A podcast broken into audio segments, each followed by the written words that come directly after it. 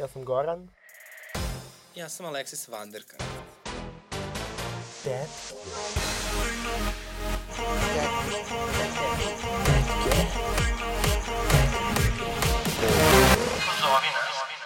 Ukoliko ste doživjeli nasilje ili diskriminaciju motivisanu homofobijom ili transfobijom, možete prijaviti na www.dasezna.lgbt. Popunjavanje upitnika je potpuno anonimno, ali ukoliko ostavite svoju mail adresu, tim da se zna će vam ponuditi psihološku i pravnu podršku. Incorpore sano, incorpore sano, corpus je sanum. I šta ćemo sad? Mens infirme incorpore sano, animus tristis incorpore sano, mens desperata incorpore sano, mens conterita incorpore sano. Šta ćemo sad? Dobar dan, dragi slušalci. Moje ime je Aleksis Vanderkant, vi slušate podcast Tetke. Sa mnom je naravno več, večeras, danas, ovog jutra. A i svakog. Uh, Goranesa. a ovaj, danas imamo jednu specijalnu gošću, ovaj, našu uh, ne samo početnu tetku, nego i analitičarku, uh, Aleksandru Sašku Galanju. Zdravo, dobar Uh, dan. Aleksandar, molim te, reci nam nešto od sebe, malo se predstavi našoj publici. E, zdravo. Prvo, milo mi je, hvala što ste me zvali.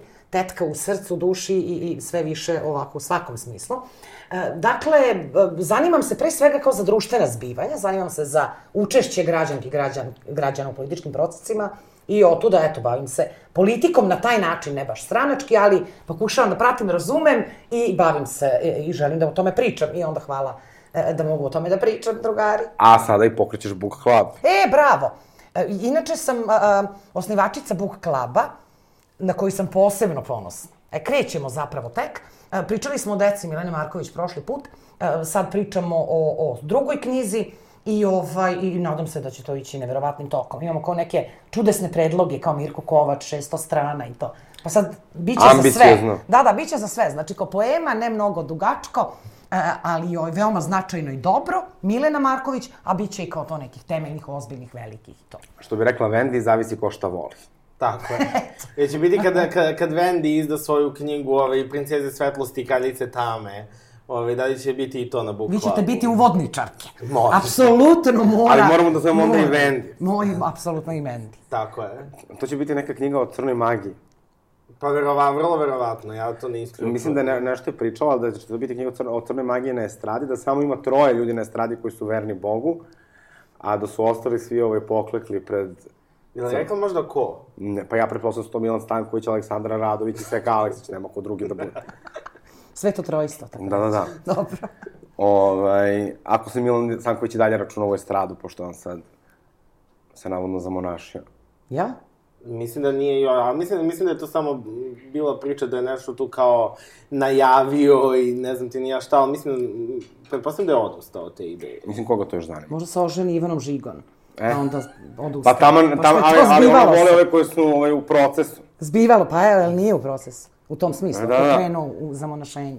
Pa dobro, bili bi lepar, mogli bi da snime neki duet. I'm a bitch, I'm a lover. Znate to kada je 90-ih ono... Cece.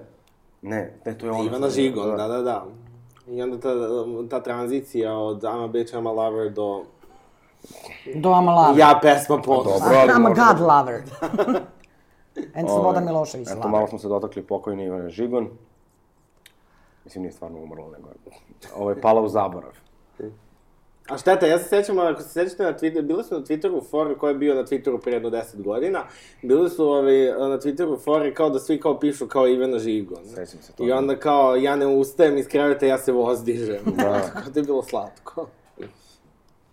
E sad, ovaj, da se, da se manimo ne bih htela, prošle nedelje je bila Beovizija, odnosno izbor za pesmu Evrovi... Ne, Pesma za Euroviziju. Pesma za Euroviziju. Iako ima tako glomazan naziv, mislim da uh, smo imali jednu od najzanimljivijih selekcija u celoj Evropi za ovu godinu, a jednu od najzanimljivijih naših selekcija u poslednjih dosta, dosta dugo. Ne znam da li biste se uh, vi složile ja bih se složila, meni je e, Beovizija bila odlična. Uh, imam, ovaj, baš puno pesama slušamo sad sa, sa, sa pesme za Euroviziju. Uh, mislim, uh, ja sam šokirana ove što, time što je Konstrakta pobedila. Mada evo moram odmah da pošto sam u prošloj epizodi pljuvali, ili preprošloj. Ove, da to sve povlačim, stvarno, uh, mislim, nastup je bio odličan i sad je pesma nekako zvuči onako seksi. Kada sam znala da je bilo pljuvanja, ne bih ni došla. E, Ja nisam pratila, imam super perspektivu da o tome pričam. Znači, nisam pratila to veče, ne znam šta su pesme, odslušala sam Konstraktu, oduševljena sam. Konstantu. I triptih, i pratila nastup, i pratila to kako komunicira sa drugim učesnicama, i zaista sam oduševljena, ali se slažem to. Šokirana sam malo, prosto da su ljudi glasali, Ali- nisam bila uh, sigurna da je baš to afinitet naše publike. Ali ako jeste, očigledno jeste, ja, Strava. ja mislim da je ovo prvi put da je neko zapravo ko je neafirmisan uspeo da pobedi ovaj... Nije ona neafirmisana, ali, Ali nije, ko- nije je mainstream mainstream afirmisana. afirmisana, kao pričam. Da, da, da, to, to stoji. Mislim, ona ima dugačku karijeru. Ali kroz zemlju gruva sada... Da, neko ko generalno, a da kažemo, pratite kao bendove i to, ono ko sigurno je čuo nekada za zemlju Pretpostavljam gruva. pratiš te bende. Pa te ne, ali konkretno Zemlju gruva sam pratio i volao sam Zemlju gruva, ono, ove, išao sam na par nekih nastupa njihovih i ono... Može Goran se tako šunja po tim nekim, ovaj... Baš ono kao tokom srednje škole, kad je ono, ka- kad im je bio onaj aktualan onaj album What the fuck is Grooveland. A, naravno. Ove, a tu imaju pa, par hitića, ajde da kažemo. Ono, na primer, uh, ono što je pevala Sara Jo u prvom glasu, ono, ostani, nemoj da kradeš, to je osjećaj od... Ne, dobro. Ja imam bednu ekspertizu, ali to, to ovo podržavam, slažem se. Poznati, popularni, samo ne u mainstreamu. Da, da, da, ono kao, da- nisu... To se kaže poznati po, poznata po tome što niko nije čuo za. Ali realno, ali realno neka šira publika, ono, mislim, verovatno nema pojma ko, je- ko je konstrakta. Ove, i meni je mnogo slatko što, ono, ove, imali smo na finalu, ono, i, i Zoe Kidu i Konstraktu, koje su, ono, obe pevale u ze... Da, ne znam, mene u zove Zemlji kada i tjerala što je pesma bila glupa. E, meni, meni se dopala pesma. Nije mi bila sad kao nešto da je kao slušam svaki dan, ali, ali je bila, bila Ne, je imala je neki vibe. I ona njena frizura mi je išla na živce. Ne, meni, meni to sve bilo, meni to sve bilo, bilo lepo upakovano. Ali ne da ukradenu je dala 12 bodova. Tako. E, mogu da se vratim na tu pe- političku perspektivu? Molim. One su toliko super komunicirale o tome. Lepo se pozdravile. e, Lepo se isčestitale. Onda je, čula sam i Sara Jo čestitala konstraktor. Mislim da to stvarno uvodi neku novu perspektivu u komunikaciju javno. Da je to odlična stvar. Uz, Jeste. uz to da mi se pesma sviđa, kao što sam već rekla. Ali ceo triptih je stvarno dobar, mislim, to je stvarno... Ne, e, ja sam onda uzao kao da slušam te konstrakte, pa zapravo moj favorit je sada ono, nemam, nemam šamana. Da. A, I to kao baš slušam. Ovaj, i, i vrlo simpatičan, mogu da kažem ovako. New York, London, Pariz, uh, serim se na ljude, serim se na stvari. Da, ja sam ptica. Fantastično.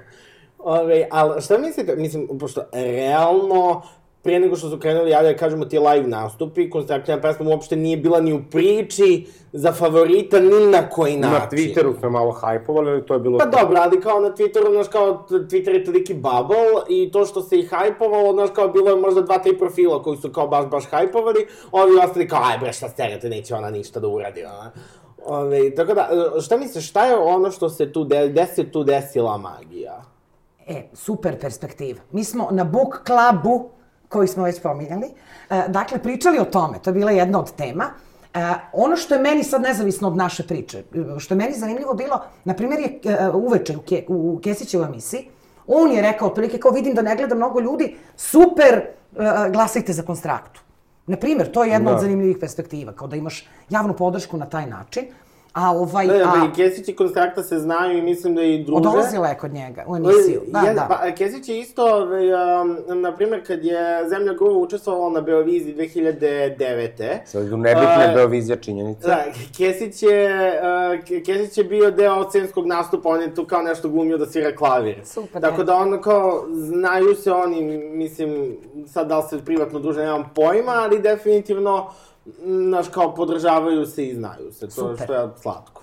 E, ali znaš što je nama palo na pamet kad smo pričali o tome? Zapravo da upravo zato što je, e, što se pretpostavljalo, koliko sam ja čula, ajde, ni- ne, nisam tako, pro, nisam velika profesionalka u tome kao vi, ali koliko sam čula, da, zapravo je Sarajevo bila favoritkinja. Da. Jeste. E, i onda se zbiva ono, e, reći će neki od mojih teoretičara s Book Cluba, zbiva se ono što na izborima 2012. e, Tadić Nikolić. Kao ljudi koji su inače računali na to da je ona favoritkinja, su bili u fazonu kao, pa dobro, neću da glasam, svakako će već pobediti. I da može da bude jedan od razloga zašto u stvari pobedila žena koja nije bila baš potpuno. Da, ja ne mislim da je to tačno, zato što, znaš zašto? To- to je što- teorija, da. naravno, naravno. Ja mislim da je Sarajevo dobila veliku podršku, međutim kontrakta bukvalno dobila najviše glasova na pesmi za Euroviziju ikada. Da, na, na, Ona je dobila 40.000 Da, glasa. to se nikad nije desilo. Hurricane kad je pobedio, oni su, do, oni su dobila tipa 25. Ali To tada nije bila bio i... javni, jel? Nije bio javni Bio je, nastup. 2020. jeste, A, ali su onda samo za, kad je otkazana bila Eurovizija 2020, onda su samo za 2021. zadržale, njih samo promenili pesmu. I mislim da su imali dobar, odličan nastup.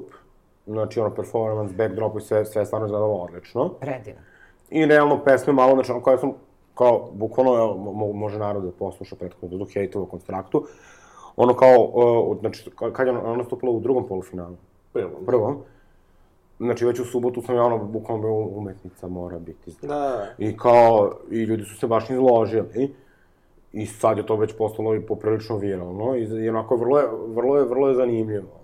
Da, uh, ja iskreno mislim da je tu više faktora, znači da je ono, negde se, negde slo, zvezde su se složile, ono, mislim, naravno i tu je i njen, ono, naravno trudi, radi i, i sve, ali kao svega tu ima pomalo.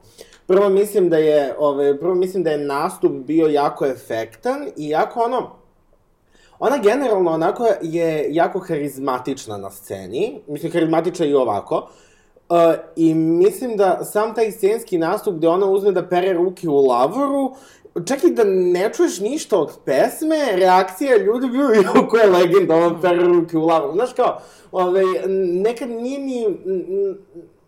n- n- kao nije ni preterane važnosti da sad kao mi ulazimo u neku onako duboku analizu pesme, kad samo vidimo ženu koja na sceni, sceni pere ruke u lavoru, to kao ima, onako efekat je. I isto ta kao koreografijica gde ono kao malo pljeska, pa malo ono mlati onim rukama. Ove, I to baš onako, mm, onako dosta i mimovni materijal. Dosta je ono, i to je i sama Konstrakta rekla kao, ima tu dosta ono, eh, materijala za viral i to stvarno se slažem. Isto mislim da se ovaj, njena pozicija u, u, u takmičenju baš se nekako sredilo ono kao njoj, njoj u korist, jer ono, prvo nastupala je u prvom polufinalu, koje je bilo dva dana pre finala. Onda je, znači, samim time, ono, publici je dato malo vremena da to, kad se okači na YouTube, postaje viralno da svi krenu da pričaju o tome. Tako da, jer ona recimo, ona recimo u polufinalu posle su izbacili su, posle finala su izbacili glasove iz, um, isto iz polufinala. Ona je prema publici bila treća u prvom polufinalu. Ona uopšte nije pobedila u polufinalu. Prva je bila Sara? Ne, ne, prva je bila Zorija, uh, drugi bio neki od onih bendova tipa da li Lift, da li Gift. Ove, oni imaju tu neku kao, ajde da kažem, e, bili su i Lift i Gift. Uh. Da, bili su i Lift i Gift, ali onda kao ne znam ko je od njih bio tu u priči. Ove, I Konstrakta, je bila treća. Prema žiriju je bila prva, ali ove prema publici ne. I uh, još je kad su izvlačili one kao loptice, kao kad će nastupati, ona je izvukla poslednje mesto u finalu, znači ona je zatvorila takmičenje. Tako da, tačno, ja mislim da je ona, recimo, da je nastupala u drugom polufinalu, da uopšte um, bile bi mnogo manje šanse za pobedu. Možda čak i ne bi ne bi narastao toliko pobedila. haj. Hm? Mislim da ne bi toliko porastao haj. Pa da, E, da, da, mislite da. da su glasali mlađi ljudi ili sredovečni ili šta vam je procena? Svi? Ja ne znam, naša publika, nisam sigurna da li je to baš afinitet naše publike. Zato je nama bilo, kad smo to E, pričali, pomalo neobično. Međutim, ako jeste, to je divno.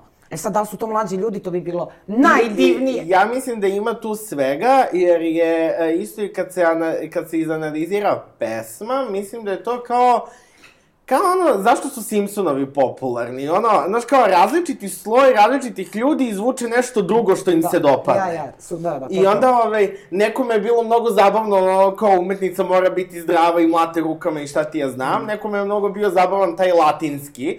Ovaj, nekome je mnogo bio zabavan kad ono, kad pesma dobije plot twist i ona kaže nemam knjižicu. I onda kao sve, sve tu ima, sve tu negde ima svoje i ono različiti profili ljudi su našli nekog, ne- neku drugačiju poruku koja im odgovara. Pa su se našli i antivakseri koji misle da je to ono kao podrška njima, što naravno ono kao nema veze s mozgom.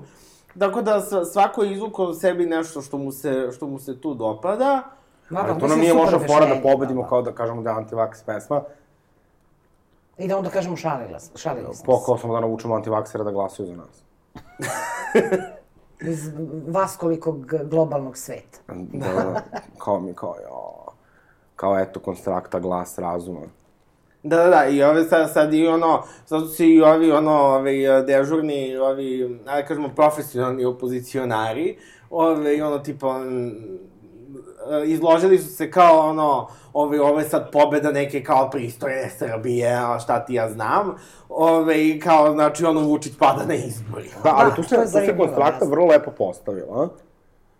U smislu da kao su ljudi sad očekivali da će ona sad nešto kao da kao pa da, ja sam drugačija, bla bla, ne, ona je kao bukvalno bila u fazonu stara je bila strava, i da je podržimo, u principu čak i Acija Lukasu koja je eto, Da nije se, e, nije se ni jedan put upecala ni na šta. Pa ona je fenomenalna jedna žena. Da, Mislim, to se da, vidi da. u svim nastupima i prethodno. Da, Da, da, da. obrazovana, fina, stvarno pristojna žena, tako da je to super. I, ove, uh, ja sam gledao onaj, uh, gledao sam onaj intervju kod uh, Obućine, ja moram da priznam da mi je sve vreme bilo neprijatno dok sam to gledao, ove, jer, m, znaš kao, on, Obućina je imala toliko nekih kao, ajde kažemo, jako loših tejkova i onda je, ona je morala da se distancira od apsolutno svega što je ova nju pitala. Znači, ono kao, vi ste pobedili sada na pesmi, pa onda, da, zašto, iz, kao, kao, oslušala sam triptih i kao, zašto baš inkorpore sanio, to zato što nemate knjižicu i zato što, ne znam, zdravstveno osiguranje nezavisnih umetnika.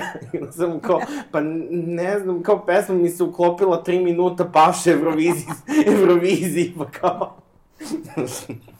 Značenje je dublje. Uvijek je značenje dublje. Da, pa mislim, kao ima ta pesma, ono, može da se ona izanalizira iz toliko, ono, različitih uglova, ali kao, a ja se ne ložimo, mislim.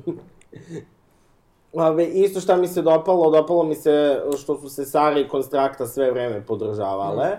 Isto Sara kad je ove, a, na, kad su je pitali novinari kod, oko drugog polufinala, kao, ko je favorit, ona je rekla da joj se Konstrakti nastup recimo baš dopao, posle se i ono, posle i čestitala Konstrakti i to mi je baš ono, lepo da, svi koji su bili favoriti, ove, koji su važili za favorite, mislim zaista, neko je ono sebi fabrikovao ovaj hype, da ne kažem Aca Lukas, ove, znači, ono, Zorija, Anđelina i Sara, znači sve tri su i čestitale konstrakti i rekle kako je ono nastup bio strava i ove, baš je ono, ba, baš tu bila neka, ono, kažemo, zdrava konkurencija. Znamo da mene Zorija nervirao. E, ove, pa, ne znam, ja, meni... meni Šta je, koja je pesma bila? Ja nisam... Ma, Pesma se zove Zorija. A, okej, a ko je Jelena pevao? Tomaš. Zorija. A, okej, okej. I Jelena Tomaš. Zorija i Zvezda Granda je pevala pesmu koja se zove dobro, Zorija. dobro, dobro. Ove, I onako neki etno. A, I ono naravno. što je meni kao muzički vrlo kao pase za, za Euroviziju, ali je pesma vrlo moćna. i Ja razumem ljude kojima je to bio favorit. Ono, i nastup je bio jako dobro izrežiran i kao... Nastup je bio jako dobro, on se bukvalno žena nije pomerila. Ne, ne, ne, nastup je bio odlično izrežiran. Tako da, ove, svaka čast i za nju, iako ni ona meni nije ono kao generalno najsimpatičniji lik, ali i to je nebitno. Ne, znači ja sam potpuno ovaj, protiv tog. Znači, meni stvarno nisu jasni ti neki ljudi koji dolaze, znači, Aleksandar Sofronijević, orkestar Aleksandra Sofronijevića, znači, bukvalno, Pa dobro, mislim, dosadna ne, si. ne lože se ljudi da, mislim, 90% njih koji odu na neki nacionalni izbor za Euroviziju se ne lože da će pobediti, nego samo malo imaju neki ono, i imaju termin u prime time-u na da. nacionalnoj Ne, televiziji. ja stvarno ne znam kao- čemu se ti pojedini ljudi nadaju, ali evo ja bih sad da podelim ko su moje pesme koje slušam ovaj, posle Eurovizije. A, samo da uđem na svoj Spotify playlist. Pa dobro, pretpostavljam slušaš Incorpore Sano, Muškarčinu, Origami. Jeste, tačno, ali slušam od Ivone znam, znači to mi je o, o, o, ozbiljna pesmetina. A ko je origami? Anđelina. Ove, ona... Savi moje telo, savi origami. Da, i, e, Obožavam sam tu pesmu. Da, obožavam to, to je moja drugarica rekla, kao, ove, kao, obožavam origami jer je pesma bukvalno polomi mi pičku. Molim lepo. I a, druga pesma, a, koju, e, još jedna pesma koja on mi je Ljubav bez dodira Dane Stanić. E, da, da, Meni Ana Stanić, pesma mi je ovako pre nas... Dosta pesama je zapravo zvučalo, do, mi je bio, mnogo postalo bolje posle Eurovizije. Ana Stanić mi je bila fenomenalna. I super mi je bilo što je, što Kako se, kad se vratila ona? Ja znam Anu Stanić od pre 15 Pa godina. nam, ona se nekad nije ni povlačila, Aha, samo okej, nije, ni, okej. nije, Nije bilo... popularna. Nikad Da. se nije ni vratila. Ove, Ali fenomenalno. Ali mi je bilo genijalno na, na, ove, na izboru što je švercovala gorki list. Mislim, ono, pa je kamera uvatila, kamera je uvatila kako iz torbe izloči gorki list i samo je on i ona provalila da, da je kamera snima i samo ga vratila nazad. Da, ne, nešto rekla je što nas neće da završi korona, kao pa da možemo opet da nastupamo na koga smo mogu deti nastup. Ali ne, Ana Stanić je stvarno bila preslatka, bila je jako lepo obučena. Mm. I pesma jako lepo, mnogo onako moćnije zvuči uživo, tako da ja to skroz podržavam. Znate da su poslali flašu gorkog lista iz gorkog lista. Bravo. Fact. Ovaj, hvala ti. E, tako da meni su to neki bili onako kao moji favoriti. Iskreno, drago, kažem, ja, ja sam stvarno navio za Saru u svim svojim kapacitetima, ali mi je okej i ovako. I bilo mi jako žao što onda kao Sara dobila kao taj neki hejt, kako se ona kao, eto, mislim, kao bilo što je napravila onu, onu, onu grimasu, koja mislim, stvarno, na kraju krajeva može ništa da ne znači, a i logično, mislim, u tom trenutku je saznala da nije pobedila, nadala kao se tome... namešteni osmeh, kao, kao da nije, nikad u životu nismo ono, očekivani nešto, ispalili ste za to Da. i onda kao stavili kiseli osmeh da čestitamo pobednik. Ma mislim, I ajde. onda kao ta priča kako kao ona uložila 30.000 evra u nastup i ne znam šta. Mislim, meni je žao što je Sara stvarno kao neko ko je jako talentovan i kvalitetan i kao puno, puno, ono, se trudi, kao da dobio takav hejt. E, ali ja, ja slažem se, skoro stvarno je divna. I slušala sam je, pričali smo i kod Galeba, i pametna je, na, vredna je, očigledno je sasvim profesionalna. Ono što je meni ipak nekako značajno, to je možda da je ovo poruka da se možda malo drugačiji tekstovi, drugačija estetika nekako takođe promoviše kao super, sve jasno i zabava i nemam ništa protiv i, i radujem se i tako. Međutim, eto, stvarno je o, konstrakta poruka i o tome malo, da žena može da peva još o nečem osim o ljubavi i muškarcima. Dakle, Da, da. E, pa onda ako je i to nekako poruka koju će ovo društvo da primi na ovaj način, meni je to... I da se malo ljudi otvore, kod nas uvek kad krene uh, pesma za Euroviziju, uvek se komentariše kako su to neki anonimusi i tako dalje. Što je kao zapravo sasvim okej, kao gomila ljudi koji su, ono, ni- nisu bili popularni, sam zajedno su kasnije pobedili na Euroviziji, mislim, pa kao, nije, nije pesma za najpopularnijeg pevača, nego za, za, za, za najbolju pesmu i kao drago mi je da kod nas malo Eurovizija izađe iz toga.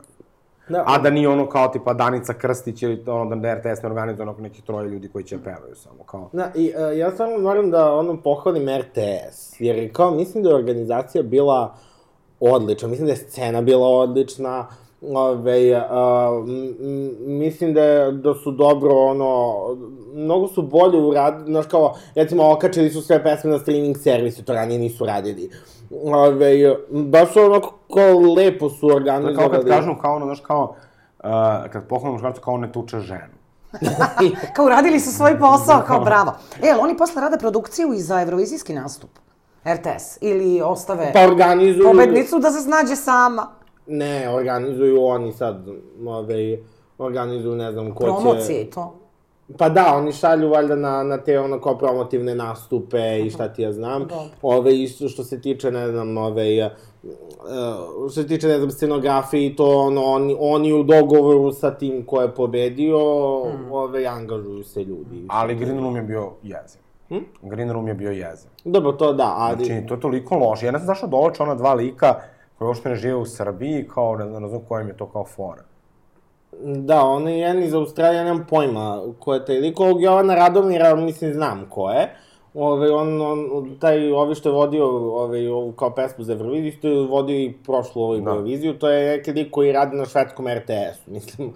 Ove, Pa, ima On- evropsko iskustvo. da, da. E, ali sve da pitamo u ovom podcastu, ne znam jel se sme.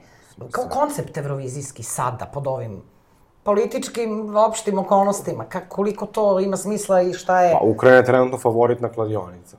Da, ali A kao- imaju pesmu, nisam ni nisam Imaju, ni imaju ispratila. pesmu, A, oni su odabrali Meni je pesmu- prošlogodišnja, ja sam luda za prošlogodišnju pesmu. Da, Ukrajina prošlogodišnja je bila odlična. Obožavam je. A nisam Ove- ovu, ne znam ni, ni šta se...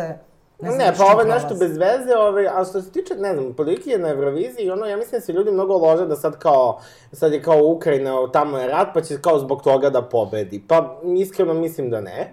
Ove, m, to može da da neki kao, ajde da kažemo, plus poen, ali ne mislim da će kao zbog toga i samo zbog toga, ono. Ali je li okej kao da cela Evropa peva, a da, a da ljudi gine? Pa i samo Ukrajina šalje pesmu. Okej, da, okej, mislim, dobro, ono, ba, to nisam znala. Ali Da, baš sam ono- se pitala, super da... Oni da. su odabrali predstavnika... Ali mislim da je Rusiji, da, da, da Rusija neće učestvovati, da, da je Rusiji zabranjeno. da Da, da, da, Rusija je banovana pa, pod sankcijama. Mm. Ove, kao što je nama bilo banovano od 93. do ove, do 2000, mi smo se tek vratili 2003. 2003. smo imali pravo prenosa, a 2004. smo mogli da pošaljemo predstavnika. Hoće nam konstrakta nastupati na Prajdu.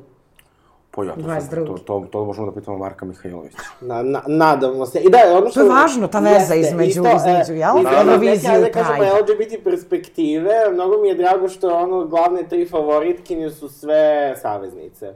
Da, da, divno. Ove, kon, Konstrakta, Sara Jo i Zorja. Zorja je saveznica. Mm. Kako? Zorja je, ove, znači nju su, pošto ona stalno priča sa svojim fanovima po onim Instagram live-ovima i to i pisali su x puta, ono, ove LGBT populacije, uvek su, ono, pozitivne poruke, tako da Zorja je isto cool. Što Pa se ti kidaš, čoveče. Ovo treba branch, da fakultet, samo samo- Evrovizija. Samo Evrovizija Šteta što nije da 24-7. studira Euroviziju. Ne, da, da, da smo Da možeš master. Da, da smo sad u Americi, pa, e, znate kako ono imaju uvek neki ono kao privatni univerzitet, ono ganja svoje studente sa ono kao master studijama iz tipa menadžmenta, gde ono ku, kursivi ono bazirani na karijeri Da, Taylor da. Swift ili tako. Pa da, multidisciplinarno. da, da, da. Ode nam jedna učesnica. Ah, kao major iz Ali ekonomije, nije COVID, ovo je od, od pljuka. Pušačke kaše. major iz ekonomije, minor iz ono, uh, minor iz, ne S znam. posebnim osvrtom na tržišne aspekte nastupa konstrakte na Tako. Euroviziji 2022. Ali mene baš zanima kako će kao dalje da se razvija konstraktina karijera, pošto mi je kao ovo sve baš super zanimljivo. I Meni je, meni je super zanimljivo što je ona sama bačena u to, ove, jer ona, ona, ona uopšte, mislim... Pa ono, ima onaj snimak kad, eh, kad su oni proglasili da ona pobedila, ona prilazi Da, da. do Zekide kao bukvalno u fotonu. Jebo Šta mater, ćemo, šta I ću šta sad? ćemo sad? Da, pa. Jebo mater, šta ću sad? I, ali mislim, kažem, mislim da sa druge strane će to puno uticati recimo na, na, na pesmu za Euroviziju godine, Apsolutno. ne? U smislu da će ohrabriti još neke druge ljude, jer kao... Da malo izađu iz okvira. A, da, zato što kao, ono što se meni ne dopada kao što su kao tako nekako, a, bukvalno se svi ponašaju kao da, da treba ono, da im je životni san da potpišu ono ugovor sa RTS-om. znači, kao tu sad neki, mislim ti vidiš da su neki ljudi talentovani, njih je sam poslao tekstove, ali kao, te pesme su stvarno budi box. Da, da, i bilo bi super da utiče generalno na produkciju muzičku i umetničku u, u društvu. Da. Meni bi to bilo super značaj. Sad kapiram da ova žena zapravo je dovoljno svesna, orijentisana i savjesna da će da razvije karijeru kako je inače planirala. Ja ne vidim da, da će sad ovo baš pre, presudno da utiče na nju da postane Madonna. Ne treba. Pa ne, ne, ne, ne, ja mislim da ono može da bude skroz u tom nekom svom fazonu i da bude Da, da, da. super, ono, kao meni je zanimljivo, što kao to ljudi stalno očekuju od nje, kao to da ona sad kao pljuje neki mainstream, Mm. a ona zapravo, čak i ako se kao bavi time, kao ima kao te momente, kao te nešto naslovi iz novina, ovo ono, kao ona to nije kao u nekom hejterskom fazonu, više kao to, kao da je to zanimljivo da se time, ono, kao sprda, ali kao da i dalje uvažava ovaj, Mm. drugi izvođačice, što je, mislim da je super, recimo za razliku od Ace Lukasa. Možda bismo malo da, da opljamo Acu Lukasa. Naravno. Što bi rekla Biljana Ja nisam čula pesmu, pričajte Pa šta ta je pesma. pesma je toliko nebitna. Mislim, ta- Mislim, on se čovjek tu prijavio, znači u jeku tog skandala sa Sašom Mirkovićem i Beovizijom, mislim. Ni samo da, mislim, ne znam da li si ispratila taj skandal. E, Ne, naravno. Evo ovako, prvo zašto se Beovizija ne zove više Beovizija? O, zato što je uh, be, sam koncept Beovizije je bila saradnja između, između RTS-a i Megatona. Ove, Megaton produkciju drži Saša Mirković, koji je bio jedno vreme menadžer Marija Šerifović. Znaš ko je sa- Saša Mirković? Znam, znam. Da, ono, i gradonačelnik je, Zaječara. zato znam, e, da, da, pa da, da. e, ono, što bi rekla meni kao za Vesnu Rivas, ono kao ja ne znam šta da- Renesans niti Ja ne znam šta ta žena radi Da, koja je elektrisani molekul, to malo peva, malo vodi program, mislim, ono. Da, E, da. tako i Saša Mirković, ono. Ja ovaj, znam se vi sećate kad je on tvrdio da je otac deteta Ane Brnabić i Milice Đurđević. Pa je čak podnosio, mislim, neku prijavu kao da, da tražite tu, mislim... Ali razumem zašto bi želela, žena želela da ima njegovo dete. Tako da, Ovaj, da, uh, tako da, uh, taj uh, ugovor sa, sa Megatonom je istekao, istekao je 2020. Uh, e sad, to sad kao koje su nekakva lična prepucavanja Saše Mirković i Olivera Kovačević, to baš ono, nisam siguran, ali znam da tu ima i toga. Ove, I sve u svemu, ove, u, u jeku, ove, uh, u jeku Megatonove svađe sa RTS-om je on, pošto on ima i tu kao hype produkciju, gde ima ono kao svoje potpisane izvođače, kao što su, ne znam, Aca Lukas, Kija Kockar, I onaj Hype TV, gde Nikša Zizu priča kako su devojke same krive što ulaze u, Znači. u kola, što idu uveče same ulicom i tako dalje. Sve o svemu jedno dno. Profesorke, doktorke, tetke Eurovizije. Tako je. Bravo. Ove, I sada je on svog potpisanog Acu Lukasa prijavio na, na to takmičenje A, i samo okej, je izazivao, ove, samo su izazivali skandale. Recimo na toj hype televiziji koju drži Saša Mirković je onda bildovo se hype oko Ace Lukasa i naravno anti-hype protiv apsolutno bilo koga. Ali se najviše protiv Sare i Jo. Najviše protiv Sare i i Zato što je favoritkinja. Da, da, da, i čak su ono, ove, čak su i uzimali, uh, m, kako, kako ima ovih o, internacionalnih fanova Eurovizije, pa oni reaguju na kao pesme sa nacionalnih finala. I sad jedna, jedna iz Amerike koja ono, koja radi te reakcije, ovaj, nešto komentarisala za pesmu Sara i da joj se kao dopada i kao Srbija bi imala šanse sa time. I onda su oni uzeli tu izjavu i predstavili kao da je to ona rekla za Acu Lukasa. Znači, kao potpuno... A ne, oni su se ponašali kao SNS u malo. Da, da, da, da, da.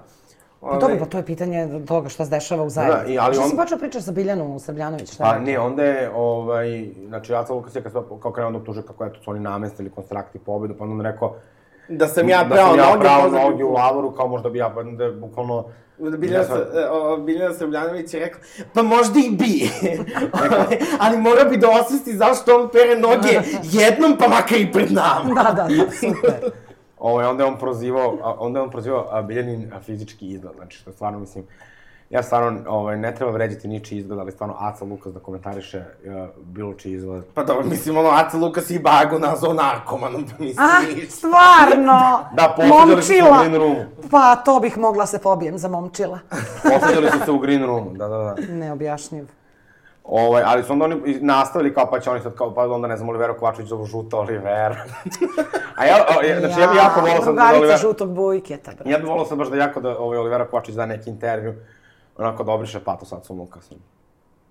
Da, da, da, ona, ja, ja volim intervju Olivera Kovačević, ima ona neku, neku tu, ajde, kažem, Šizofrena lutkica. Šizofrenu harizmu, ja baš...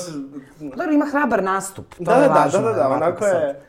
Još kad pričaš nešto što ima smisla, onda je još važnije, egotivnije, ali je generalno važno da, da ljudi Ne, mislim, ali ta teorija sad koju oni za- zagovaraju kao da je kontrakti nameštena pobjeda, da, baš je ovaj, onako veliki interes bio Olivera Kovačević i RTS da namesti kontrakti pobjedu. Ali super recimo, ispratio, tipa ona imala tipa desetak hiljada pratila, sad ima fazon 60 na hiljada na Instagramu, konstrakta. Kontrakta, pa da, da, dobro. Baš je, pesma Ništa ne uspeva bolje od uspeha, kao što znamo, Da, stari, ali baš stari je, citat, da. Ja ne pamtim da je neko tako kao ono eksplodirao. Da, da. Pa zato što je stvarno kvalitetna. Mislim, ta muzika je stvarno dobra i taj tekst je stvarno pametan.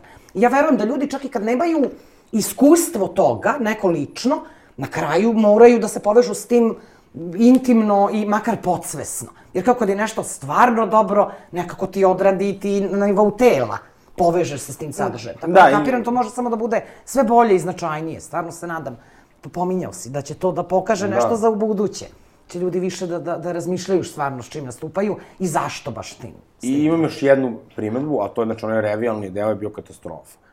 Znači, meni je stvarno, znači, ja bi, znači, da se zabrane, ona, Tijana Bogdanović, Nevena Božović i svi ti ostali dosledni, znači, Sergej, Tijana Sergej čula, Četković.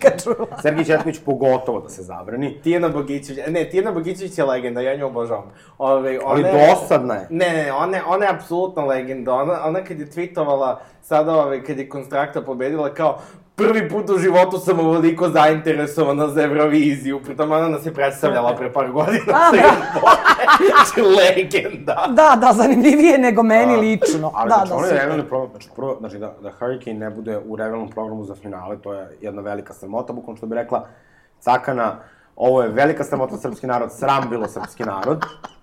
Znači, drugo, da dođe tamo neki italijan da peva Slaviju, a, bez Džeja i Mine Kostić, isto sramota.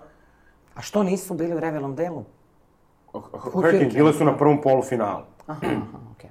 Ovaj, nego dođem tamo i onda kao pevaju ono pola sata. Je li jedna žena iz tog benda, izvini što te prekidam, a, ćerka kneza? Da, da, da. Joj, bravo, to mi je divno. Bože, Saška, znači, potpuno se ne. Nemam pojma, pa rekla sam da ne Ne, ne, one su takve lutkice. I kao, ti sam zoveš kao ono, mislim, nemam ja ništa protiv tih ljudi, stvarno, ali ne, mislim, neka nastupaju na nekom drugom festivalu koji je prikladan za, za, za, za, za, za, za to što oni, znači, stvarno muka mi više da gledam Jelenu Tomašević.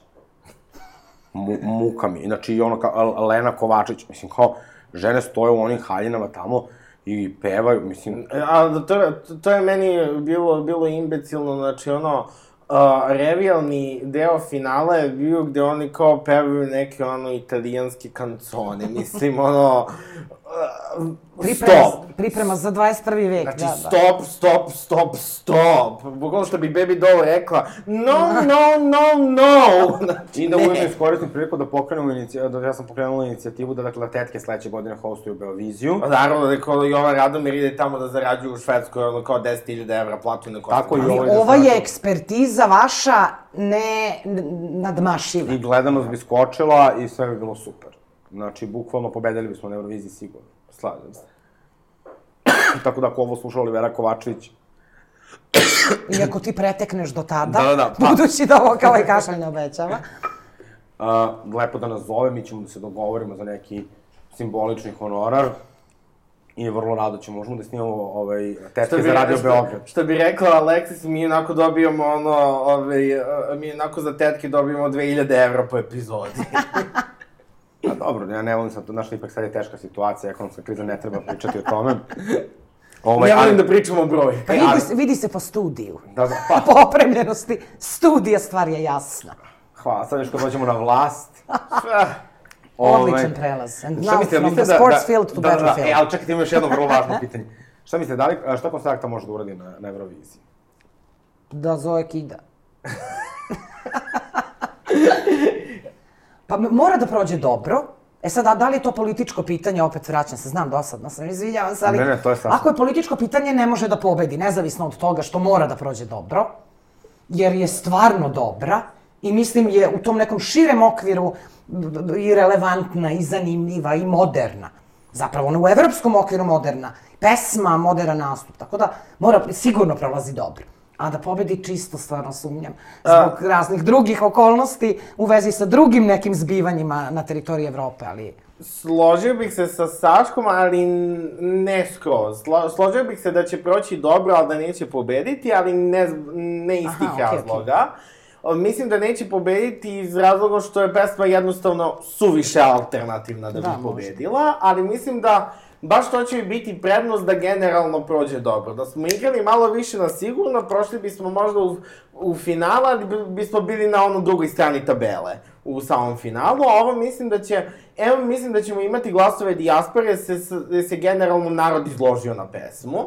Ove, kao što smo imali sa Hurricaneom, tako da ćemo imati i sada te, te ajde da kažemo, glasove publike iz, ono, ne znam, Austrije, Švajcarske i ovih kao okolnih naših zemalja.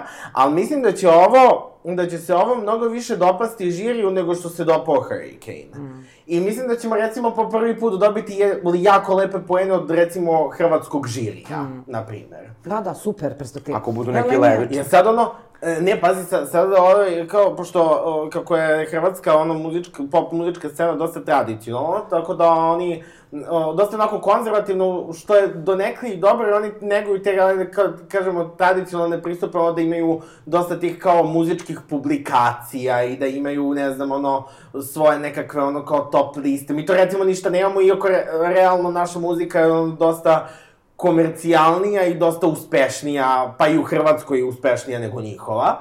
Ove, ali ono, oni dosta neguju te ono kao, na primjer, muzičke, ono, tipa kao što ono, u Americi imamo, ne znam, ono, Guardian, Pitchfork i tako to.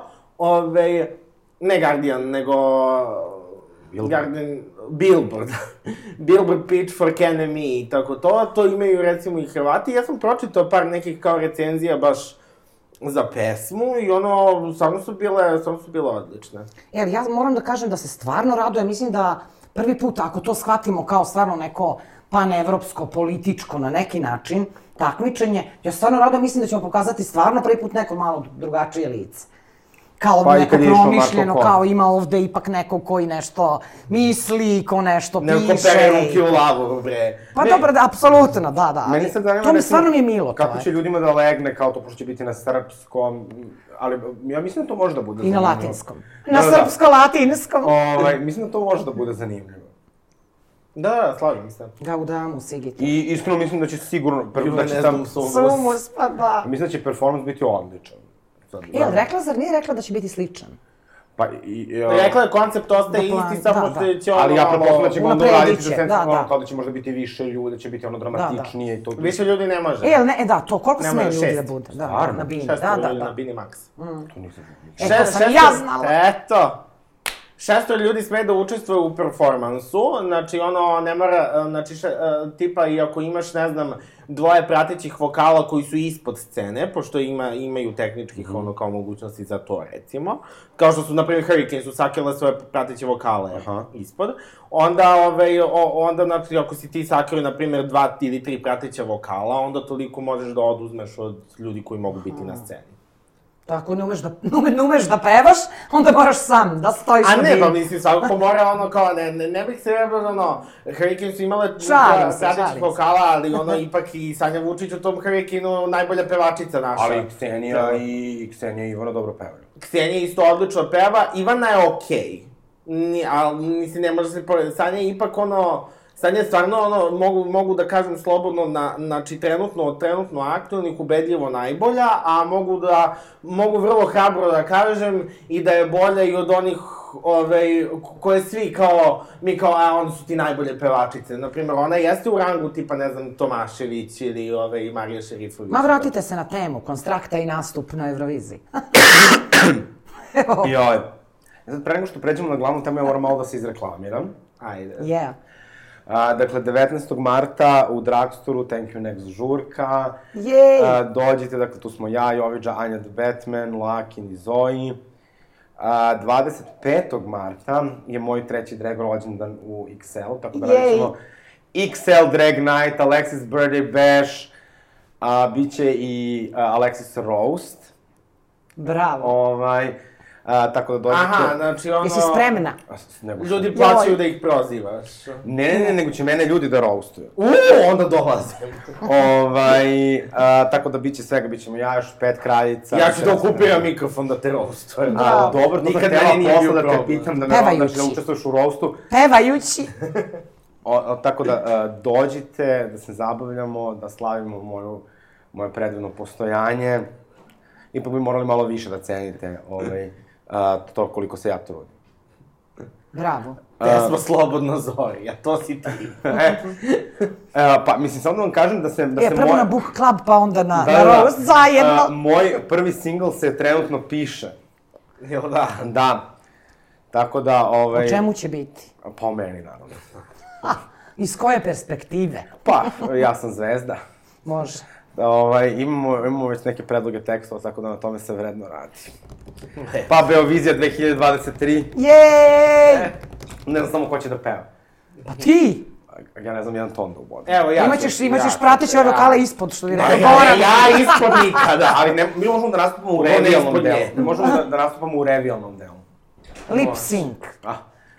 Na svoje Ne, stihove. ja, ja, ne, lip sync kod mene ne. Ove, ja, ja sam imao par drag nastupa u životu, svaki moj drag nastup je imao live pevanje. Molim lepo. Znači, to su one pevačice, razumite, koje nemaju čime drugim da se Ja pohvale. Nego pevanjem, I nego onda samo, pevanjem. ima samo koja eto znam da pevam. Ja lepo kažem, znači... Ti si rođena za, za, za, za ovaj revijalni program na Beoviziji. Ja uvek kažem Sa kao... Sergejem Četkovićem. Kao Vendi kad kaže za Jami, ono, ona se tu šunja po nekim kafićima, peva na playback, razumiješ, ja to, to je... to Jami, je jami, pankerka, pa ne može da peva ono kad je žena pankerka. Sad, naravno Dakle, da uh, svoju dakle, pesmu. dobro, ko nema šta drugo da ponudi, mora Zato da tako peva. dobro radi sve te stvari. Bravo. Mi prave drag kraljice to već... dobro znamo. E, upravo tako. Ali sad kad smo već kod izbora, 3. aprila nas očekuju, ovaj, sad sam to videla na Wikipediji, opšti izbori. Ja nisam čuo, jeste, ti vi čuli nekad za taj termin? Naravno da smo Ja To ti, je ono kad, to ti je ono kad su ti u isto vreme i predsjednički, i parlamentarni i lokalni, to su ti opšti izbori. A ima... S tim što lokalni nisu u svim lokalnim zajednicama, u dva grada i u 11 opština, mislim. Lokalni, parlamentarni i predsjednički. Da, inače, da li ste, da li ste primetili, ali Centar E8 i Zoomer imaju odličnu kampanju za motivisanje mladih da glasaju, pošto ja vodim jednu kampanju koja se zove Naš glas, naša budućnost. Oni su super organizacija. Da, ali da imaju- kažem to, volim ih, super stvari. Ali rade. imaju- Centar je 8 i Zoomer diva. Ali imaju kampanju koja se Centar zove kida. Ide glas. Bravo. Top. Ja O. Centar E8 nisam, nisam nešto pretredno ispratio, Bravo, ali, ja se, sam- ali za Zoomer sve pohvala. E, ja sam, Zoomer ja sam je, pratila... deo Centara E8. Ja sam Centra E8. pratila ono što su radili sa Budi muško klubovima i to. To je tako dobar projekat. Radila sam evaluaciju tog projekta. Fenomenalno. Fenomenalni neki klinci koji su se baš naložili na to, potpuno su promenili, promenili životi ljudi, koji su bili kao nasilnici u školama i zaista motivisani bili da se aktiviraju, da se bave i nekako i, i kao generalno kampanjama protiv nasilja, da bu, oduševljena sam bila. Super organizacija i super što rade ovo. Izgled je dobar, da. Da, da, da, ovaj, i tako da, e, mislim, ima, ima još dosta kampanja koje su kao, kao kreću ljudi da se motivišu više da glasaju kao kod nas i to je super, ali mi smo ovde ipak da pričamo o, ovaj, da, da uđemo ipak u, ono, srž izbora. Samo u srž. Uh, mislim, nećemo pitati ovde za, za ove ko, ko će za koga da glasa. A, možemo i pitati. zna. mislim, ne moramo da pitamo, Moramo! ovaj... Uh, do, do, Saš, Saška je, ovaj, ja sam bacala u ulicu, Saška je to us- uspešno uhvatila. Ali nekako, jel vi imate ovaj hype kao neki veliki oko izbora ovih? Ja uvek. Isto. Ja sam imao hype čak i oko ovih bojkotova. I ja isto. Ja, ja volim kad se to kao dešava, onda pa onda ja dođem da glasam, Apsolutno. ono. Sad sam pisao, pisao sam na poslu da mi bude taj, da, taj vikend slobodan, da mogu na miru da dođem. Svaka čast. Ovo sad kad je bilo za referendum, ja radio taj dan, moram u 7 ujutru da dolazim da glasam, da hajde Da. bre. E, ja sam ovde ba, ba, baba tetka, ja ovde imam 100 godina i bila sam, ne, ne znam da li to znate, da sam ja bila u DS-u, kad sam bila mala, mlada, i radila sam kampanju za DO, zapravo 90-ih sam radila, i 2000-te između ostalog, ovi naši čuveni izbori 24. septembra, baš sam radila u izbornom štabu. Tako da je meni politika i politika je nešto što zapravo najviše volim. Samo bih se politikom i bavila. I, i apsolutno sam uzbuđena oko izbora, tokom kampanje, podržavam ljude koliko mogu. Mislim, sad sam građanka, jel? Ali kao to idem, lajkujem, zaista kao Ali pratim ti si šta bila se na dešava. listi Ne dajmo Beograd. Bila sam na lokalnim Na lokalnim da, to je bilo da. 2000... Ja mislim da je bila 19. 19. 18. moguće. 17 su bili predsednički. Mislim da je 19. Da, bila. da ne. Ne mogu da se... setim, Ovaj... Ali da, recimo, tad, ja, ja kao uvijek setim te dosove kampanje, ja se setim onog stikera. Izvini samo, ja sam dobio izborno pravo pre, pre Da. par godina. Zato sam i rekla baba Pa- tetka. Pa, koji, dobio sam ono kao pravo da glasam, glasačko pravo pre par godina, ja sam izašao na jedno pet izbora, razumeš to, ni to nije normalno. I nisi imao za koga da gleda. A svi bojkotovali. Ne, ja, ovaj, uh, ne znam, ja uvek nađem ono, ja uvek nađem nekog, ono, za nekog da glasam. Da. Se kaže svaka krpa nađe zakat. Pa, Da, ja, nije, ja sam bojkotovala, ja sam tu bila odgovorna. Da, i pričali smo kao kad smo se sreli danas, da nekako stvarno verujem da mi građanke i građani imamo pravo da izrazimo svoje političko mišljenje, nezavisno od toga da li je bojkot, da li će naša opcija preći cenzus i tako dalje.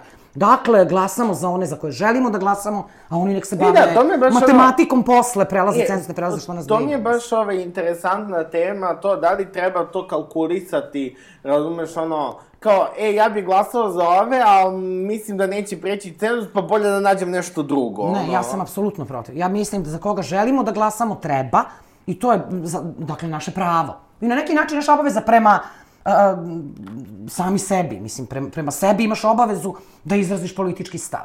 A političari će se posle baviti matematikom. A i na Tako kraju da- krajeva i taj neki procenat koji neko dobio, okej, je možda investicija u njihovu buduću političku karijeru. Apsolutno, što se vidi po Ne davimo Beograd sad. Da. Oko 3% je Ne davimo Beograd dobio na lokalnim i to nije bilo dovoljno da se pređe cenzus jer je bio 5%. Međutim, to ti apsolutno daje vetar u leđa. Da. Jer ti pokazuje da ima ljudi koji su zainteresovani za tu opciju i da treba da rasteš, radiš i razvijaš se. I evo sad ljudi 100% prolaze cenzus, Da. nema šta. I vidi se i po istraživanjima i jasno nam je po atmosferi u društvu. Evo, Konstrakta je pobedila, brate. Da. na prethodnu temu, da, da. Ove, ne, pa, uh, ja recimo, to mi se, uh, za- zašto, ono, ne davimo Beograd moja opcija, baš zbog toga što, ono, nikad oni nisu nešto kao sad kalkulisali, je, sad ćemo mi da, ono, malo kao podilazimo, ono, ovaj, biračkom telu, da se malo kao šlihtamo nekim, ono, glasačima ko, sa kojima kao ne delimo uopšte vrednosti, kao što to mnoge partije rade, jer me to užasno nervira kod ono naših izbora, što ono, imamo te kao manje partije koje kao imaju neki potencijal i onda krenu da ono, krenu da tu nešto kao vrbuju i desnicu da glasa za njih, a pri tome desnica već ima izgrađene svoje, ono, ima i svoje kandidate, ti, sigurno nećeš nekoga, ono, na svoju stranu pridobiti, znači, zato što oni... oni... biraju da ćute. Kao Da. onda, su stalno ispadaju neki moroni u tim situacijama. Da, da. Da, to me mnogo nervira, to kao, sad, uh, ovaj, mi ćemo da, ono, kreiramo svoj politički program kao neku papazijaniju svega i svačega, a zapravo ničega. I ovaj, da naš, znači, kola, i ne znam da ste otvorili, ne znam, ovaj, uh, politički program, recimo, dveri. To je bukvalno, to je bukvalno od svake ideologije, ono, po nešto, pa te, ono, ove, povećanje poreza da bi, ono, da bi funkcionalo, znači, kao neke, ajde, da kažemo, socijalističke, ono, ove, metode, pa onda kao smanjivanje nameta za influencere. Znači, kao po to ništa nema, ništa nema veze.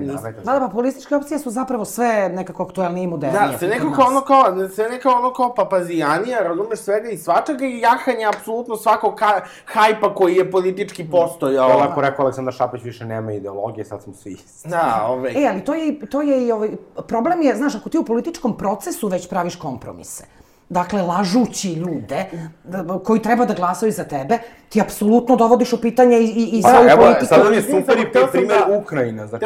Izvini, samo hteo sam, hteo sam da završim samo, uh, nervira me to podilaženje svemu i svakome i to kao da dola, uh, ajde kao glasajte samo da dođemo na vlast, pa ćemo se oko političkog programa tek naknadno dogovoriti. Jednostavno to tako ne ide. Da, da, e, to je meni pitanje, ali ovo je dobar uh, šlagvrt. Pitanje dolaska na vlast, ja bih, uh, recimo da sam kao aktivnija u nekoj političkoj strukturi, uh, dogovor, napravila bih dogovor da se uopšte o tome ne priča kao vlasti. To je zapravo nekakva služba, odnosno administracija. Onog momenta kad ti veruješ da dolaziš na vlast, tog momenta je jasno da ja tu političku opciju ne želim ni da glasam, ni da vidim. To nije i ne treba da bude vlast, to je administracija i služba građanima koji žive unutar jednog društva.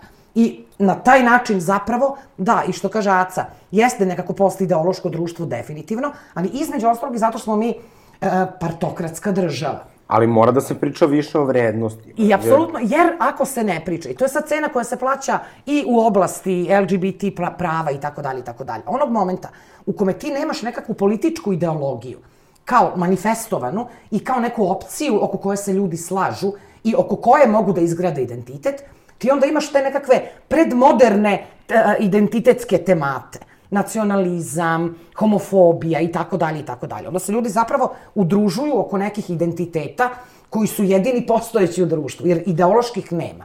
Dakle, u tom smislu je stvarno važno da ljudi promovišu vrednosti i da mi kao građani možemo se okupljamo i građanke, da se okupljamo identitetski oko tih vrednosti. Zajednica, zeleni grad, sadnja, organizacija infrastrukture, podrška ženama, podrška pravima LGBT osoba i tako dalje i tako dalje. I sad, u tom smislu, malo je opcije kod nas koje to pružaju. Ali mislim da ono gde ne dajemo Beograd ovaj, uh, puno dobio jeste taj kontinuirani rad u mikrozajednici. Jer kao naši političari kao, mislim, da. uopšte ni nemaju nekakvu svest O komunalnim problemima. O, ne, ne, ne samo to, nego kao da, da ti moraš da sediš i da komuniciraš sa kao nekim ono običnim ljudima face to face. Znači, ne dajmo Beograd ima ono Viber grupu za, za, za svaku opštinu u Beogradu gde se mm. raspravlja o različitim problemima. Mislim, ta grupa mene nekad lično, ta, ova grupa za mene nekad lično smara. Ali kao tu se organizuje naj, ono, ogroman spektar različitih inicijativa koje oni podrže uh, ili, ili iniciraju, koje se bukvalno nekad tiču ono, ono, dva ulaza u zgradi, ali kao, mi smo sad tu došli kao i u nešto verujemo. Mislim da to strašno ostavlja dobar utisak na ljude, da, da im je stalo do nekih malih mm. uh, problema, a ne na onaj način kad ono, uh, znate, kao ako vi glasate za nas kao u vašem selu, pa ćemo kao mi da vam mm. izgradimo put, pa kao, Jasno. nego, nego da dođeš stvarno i da neko, bez nekog ogromnog interesa, nego da što nešto veruješ. Da, da, apsolutno. I to je pitanje, vraćam, vraćam se na onu temu vlast, to je pitanje takođe jezika. Ne zoveš ljude narodom i ne zoveš sebe vlašću. Ljudi su ljudi. Onog momenta kada imaš ideju da su to ljudi nekakvi pojedinačni sa različitim partikularnim interesima, tog momenta ti zapravo s njima stupaš u komunikaciju i promišljaš političke opcije prilagođene ljudima. Pa to je komunalno, infrastrukturno, pojedinačna prava i tako dalje. Onog momenta kada ljude nekako posmatraš kao narod, kao nekakvu grupu koja ima zajedničke karakteristike, one mogu da budu samo te velike identitetske. Nacionalna, rasna, e, religijska i slično. To je, dakle, na neki način pred političko vreme. E sad, ulazimo u političko vreme, onog momenta kada može da se komunicira sa pojedinačnim ljudima, na različitim općinama, opštinama s različitim potrebama, I stvarno mislim da, da su ovi izbori za to dobri. Da možemo i tu da pokažemo zapravo da su to opcije koje hoćemo. Da mi stvarno možemo da se pitamo o tome gde želimo da živimo, kakav grad želimo i da, ovaj, eto, konačno i glasamo za te opcije. I mislim, ono što ja volim kod, moramo da se kažem, ne dajmo Beograd, ovaj, ali to jeste, nek, to jesu neke ideje, mislim, za mene moramo jednako ne dajmo Beograd. Mislim, kome se to ne sviđa, to je njegov problem. Ali recimo, uvek se recimo dosta priča kao u opoziciji, se uvek pričao kao tom aktivnom uključivanju građana, niko zapravo nije, sem mm. ne dajmo Beograd, imao model mm. kako će to zapravo mm. da se desi. I, mislim, ima tu stvarno mnogo stvari, ali to je, bukvalno, su godine, godine rada, ti znaš da, da, šta su nečije vrednosti, da, da, da ne postoje teme o kojima se ćuti. Mm. Mislim, evo, recimo, se sećamo koliko su, recimo, uh, kako se, ja zaboravim kako se zove ova stranka Đilasova i Marinike, na? Stranka Sloboda i... SSP. Da, da, da. Oni su recimo svi čutali ono kad je bilo sve oko murala sa Ratkom Mladićem i, i, i tako što, dalje. Što mi je izrazito tužno, jer znam kakva je Marinika bila ranije. Pa to jeste u tom smislu malo flertovanje sa nekakvom... Da, to mi je kudikamo ono... možda desnim spektrom. Ali pogledajte koliko su oni platili ceh toga. Znači, čak, ajde da je to sad urodilo nešto potpuno, pa da kažem, ajde, pa mislim bolje da vam iskreno kažem da mi, da mi Đilas bude predsednik nego Vučić. Mm. Mi sad može kao neko da će ja stvarno duboko verujem da ipak a, Đilas nije toliki diktator a, kao Vučić. Ovaj, ali evo sad e, vidite da to nije, znači, svi, znači njihovi ti kao koalicijni partneri, ono, do, pet, tri godine su se vozikali sa, sa Bo, Boško Đilas i Marinika u kolima, Boško ih sada pljuje. Đorđe Vukadinović, mislim, ono, to su, mislim, tako neke, ono, problematične njuške, da, da, da, to je katastrofa. Čak i sad je ovo s ovim ponošom, mislim, ja ne znam, meni je to čovjek toliko nebitan i toliko neharizmatičan isto. Ja sam pacifistkinja. Me- Meni je ideja da glasam za vojnika, stvarno, nezavisno od toga što on deluje kao pristojan tip. Nemam pristojne je izjave davao, nije. Ali Međutim, toliko je sama mlad. ideja da je, ja stvarno imam problem, ti to je lični problem i ne mogu da ga, i ne želim da ga prevazilazim. I onda sam navijala da imamo ženu kandidatkinju za predsednicu i oduševila sam se. Jako se radujem da, eto, imam pravo konačno i mogućnost da glasam za, za ženu. A mogu je si da glasaš i za Milicu Zavetnicu. Pa to ja isto. Ajde. Ali dobro, dobro, žena koja bi zastupala zapravo ženske interese. Da, ne mislim Hajde da je tako super, Biljana je. Stojković uh, je, je super kandidatkinja i mislim da je kao, uh, mislim je drago da ovo što imamo kvalitetnu, uh, ono, ba, eto imamo, znači dve žene koje su kandidatkinje za predsednicu, je li tako, Milica je isto mm, kandidatkinja, jeste, jeste. jeste. Uh, ali kao ovo je stvarno jedna žena koja je ono savremena feministkinja, uh, Profesionalka, pa da, da. po, a.k.a. Biljana Dabrica. Ne znate, da, ne znate to? Ne. A ona je nešto pričala nešto o nekakvim dabrovima. Ne mogu se da setim, ne, neki ekološki problem, pa su onda ljudi sprdili, da, a mislim da ona sama se sad kao sprdili, što je kao zove Biljana Davica. Mm. Ali, mislim, ja sam razmišljao kao da li je dobro sada da se uh, moramo fokusirati na predsedničke izbore, ali zapravo mislim da jeste, da što ne. kao se gradi još jedno lice ispred pokreta koje je, koje je važno mm. i koje je na kraju krajeva ono kao jedna, jedna hrabra... Ako ti je važno, jesi dao potpis. A, Za sve liste, da, mora, mora se napisati za za Biljanu. Stojković nisam stigao zato što e, ja sam stvarno u strašno velikim obavezama. A, ako Natalija ovo čuje, ubiće me. Imaš još vremena. A zar nije bilo do danas? Jel dan, do Do danas? juče? Mislim da i danas Ja imaš isto vremena. mislim, ali proverit ćemo evo kad se završi Ja stvar. recimo nisam stigao za, ovaj, za parlamentarne, ali sam za predsednicu dao. E, Da, ja jesam se. Stela sam i na, na 8. marš, na, na maršu 8. martovskom. I stvarno, ja prvo zahvalila sam, jer što se kandidovala, stvarno sam srećena što mogu da glasam za ženu. I ovo, jako smo se to lepo izrazgovarale, ona je aktivno učestvovala u svim tim događanjima koja se tiču i 8. marta i bila je na konvenciji, ne znam da ste gledali konvenciju sinoć moramo. Ja sam bila u izlasku. Odlično su, ra, odlično su, stvarno su, su ovaj, lepo nastupali, pamet, izložili su program, e, koncizno, pametno, odgovorno, nekako stvarno posvećeno građankama i građanima i ona je gostovala. Stvarno jedna izuzetno pristojna, nekako posvećena žena i eto, ovaj, radila Ja mislim da je ta moramo politika prosto ono, i na način na koji oni pristupaju politici, da to kao politika za ono 2000, ne znam, 21. vek. Jeste, A, jeste. da, da, da puno, ono, kao postoje društvene mreže, to je super, ti moraš da komuniciraš direktno Mhm. sa ljudima, moraš da budeš iskren, ne smeš da, ne sme se dozvoli da politika bude ono menadžerisanje. Mhm. I da negde ne, ne kalkulišeš sa vrednostima, što kao, pogotovo ne dajemo Beograd, nikad nije radio. Mhm. Zelenović tu i tamo, ali dobro. niko nije savršen. Da, on ovaj, se baš mučio sam u Šapcu. Mislim, to kad pomislite samo na okolnost da, Da. je to jedna od dve, tri tad opštine e, koja nije bila... Dve. Dve. A, Parećin ovaj, i oni, jel? ne, ne, Saša ne. bio pa... Saša je već A, otišao. Ne, ne, ne, stari grad u Beogradu Aha, pa to. i Šabac. Okej, okej. Okej, zato što je pre toga i Paraćin bio DS. Jel da? Dakle, da, da. Ovaj, jako je teško, ne mogu ni da zamislim koliko je zapravo teško u tim okolnostima raditi. Tako da imam razumevanja za njega. I ovaj, eto, milo mi je, kad se već koalicija pravila, nek, nek bude on. I on je pristojan tip. A, ovaj, I ono, mislim da on ima dosta, ovaj, um, mislim da ima dosta ljudi koji su čuli za Zelenovića i ovaj, šta on to radi i Hmm. mislim da je to isto dobar, ovaj, o, mislim, da kažemo, dobar i marketing.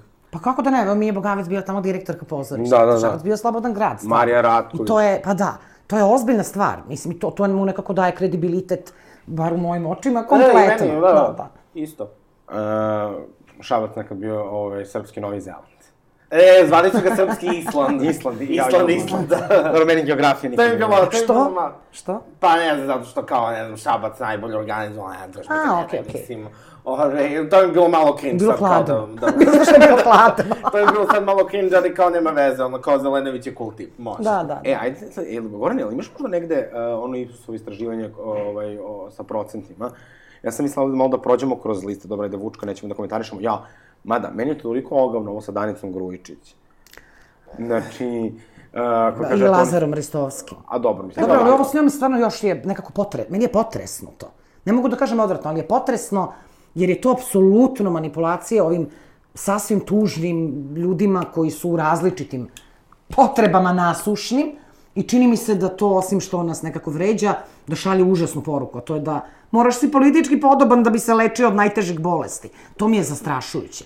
Premda čujem iz drugih strana da je ta žena stvarno ozbiljna doktorka i da je... Pa, o, meni se, iskreno, njeni nastupi su jako, ona nastupima jako antipatični. Ne, pa meni je ja- nekad ja- bila simpatična, sam mislio kao da ona kao neka žena koja sad kao nešto strašno A briže. ne, nije ona, nikad bila simpatična, ali kažu Meni da je ona bila uvek užasna. Ali kažu da je, znači, do, da je fantastična Ne onkološka moguće. stvar. Ne znam, nadam se da nikad neću saznati, Da, da, ali... ovaj, naravno. ovaj, Pa pa to, pa. a, ali sve u svemu, meni je uvek, zna- znaš, ona mi je uvek udavala utisak, uvek, svaki njen javni nastup, kao da ona tu nešto nas preslišava i kao da smo mi kod nje na ispitu i sve ona kao neka stroga, ali pravedna. da, da. si sere od tog pristupa. Znači, ono, i hvala Bogu, hvala Bogu da ono, više nije ono, da, da više nije ono kao greh ono reći nešto loše o njoj. Ranije kada ne daj bože nešto kažeš nešto nešto loše o njoj odma no, odma neki clapback ono da si ti ne znam protiv Srbije a ti zapravo podržavaš se osiromašeni uranijum i ono kao Da, ona ima malo- ti baš kao loši tejkovi tako da Ili znači, Danica ono, ili Uranijum. Brate, trećeg nema. Bukvalno, Mi smo društvo jedan- binarnih opozicija. To, to mi je, znači, to je Užasno, toliko da. naporno. Ja, apsolutno. To je toliko naporno, znači, ovaj, svaki put kad ono nešto iskritikuješ legitimnu opoziciju, a, ti si sendviča, ajde bre, sklonite se. Znači, dobro, Ivica Dačić, premijer Srbije, tako im se zove lista. Nije u ludilu. Daleko bilo. Savez vojvođanskih Mađara, dobro, Šešelj, pritom mi je drago što je. Šešelj ispod, će biti ispod cenzusa, onda Marinika Tepić. E, meni je drago da su ono, zato što je, kao ja, stvarno za Dragana Đilasa mislim da je ekstremno netalentovan političar. Šta ti, a šta znači? Šta, šta je... Znači da čovek, bukvalno kako izađe da nešto kaže, zasere. Okej, nije simpatičan, to misliš. Znači, ali ne samo to, nego ima idiotski izjav. Znači, sad ima ovu izjavu kao ako a, ukinemo obaveznu zdravstvenu zaštitu, plati će se povećati za 12%. Bukvalno da je neka devojka napisala, ako odsečem sebi jednu nogu, imaću 10 kila manje. Da, da, ja, ja, bravo, super, da, da.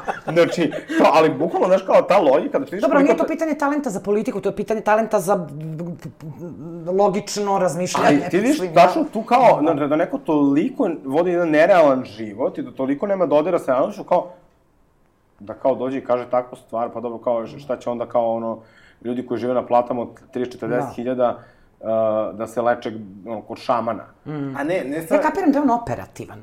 Da bi on verovatno uz neke, uz neke vizionare, vizionarke mogao lepo da odrađuje neki posao. Sad nisam rada stvarno da ga vidim na nekim liderskim pozicijama. To. Da, ovaj, da što je, ali što, što bi konstruktor rekao, jebi ga, nemam šamana. ovaj, ali, uh, no kao, i, e, generalno to kao, ako ukinemo namete za kao zdravstveno, za kao zdravstveno, povećat će se plate 10%, posto ja sad ne znam ko, ko bi pri zdravoj pameti ove, a, menjao zdravstvenu knjižicu za platu koja više nije 300, nego, ono, ne znam, 350 E, ali nije evra. to pitanje toga. To je pitanje toga da se ne izdvajaju iz plate osiguranje zdravstveno, nego da se izdvaja iz drugih budžetskih sredstava. Znači, nije pitanje ukitanja zdravstvenog osiguranja, nego je pitanje naplate zdravstvenog osiguranja iz budžetskih rezervi, iz drugih izvora, a ne iz, eh, iz plate. Dobro, ali Onda oni... je to bi- tehničko onda bi- pitanje, nije onda bi pitanje- oni isto morali da objasni iz Treba, kojih ja, to drugih apsolutno, izvora. apsolutno se Mislim, slažem. Apsolutno se slažem i ne treba s tim tako ići blantli u momentu u kom ljudi kod nas stvarno ne znam, mislim, prvo ne znamo, drugo se te budžete toliko nenamenski na kraju krajeva najčešće ovaj, troše ili se troše na stvari koje ne želimo. Mislim, kao ja ne, nešto ne znam da mi sad kao prodajemo neku kao naftu, pa kao da imamo ne znam ti ja kakve budžetske rezerve. Mislim, Da, da. Ja mislim da kada se pri- priča o zdravstvu, mislim da zdravstvo treba da se reformiše ono kao da, da, da, da se više pitamo to kako, kako je nefunkcionalno uopšte.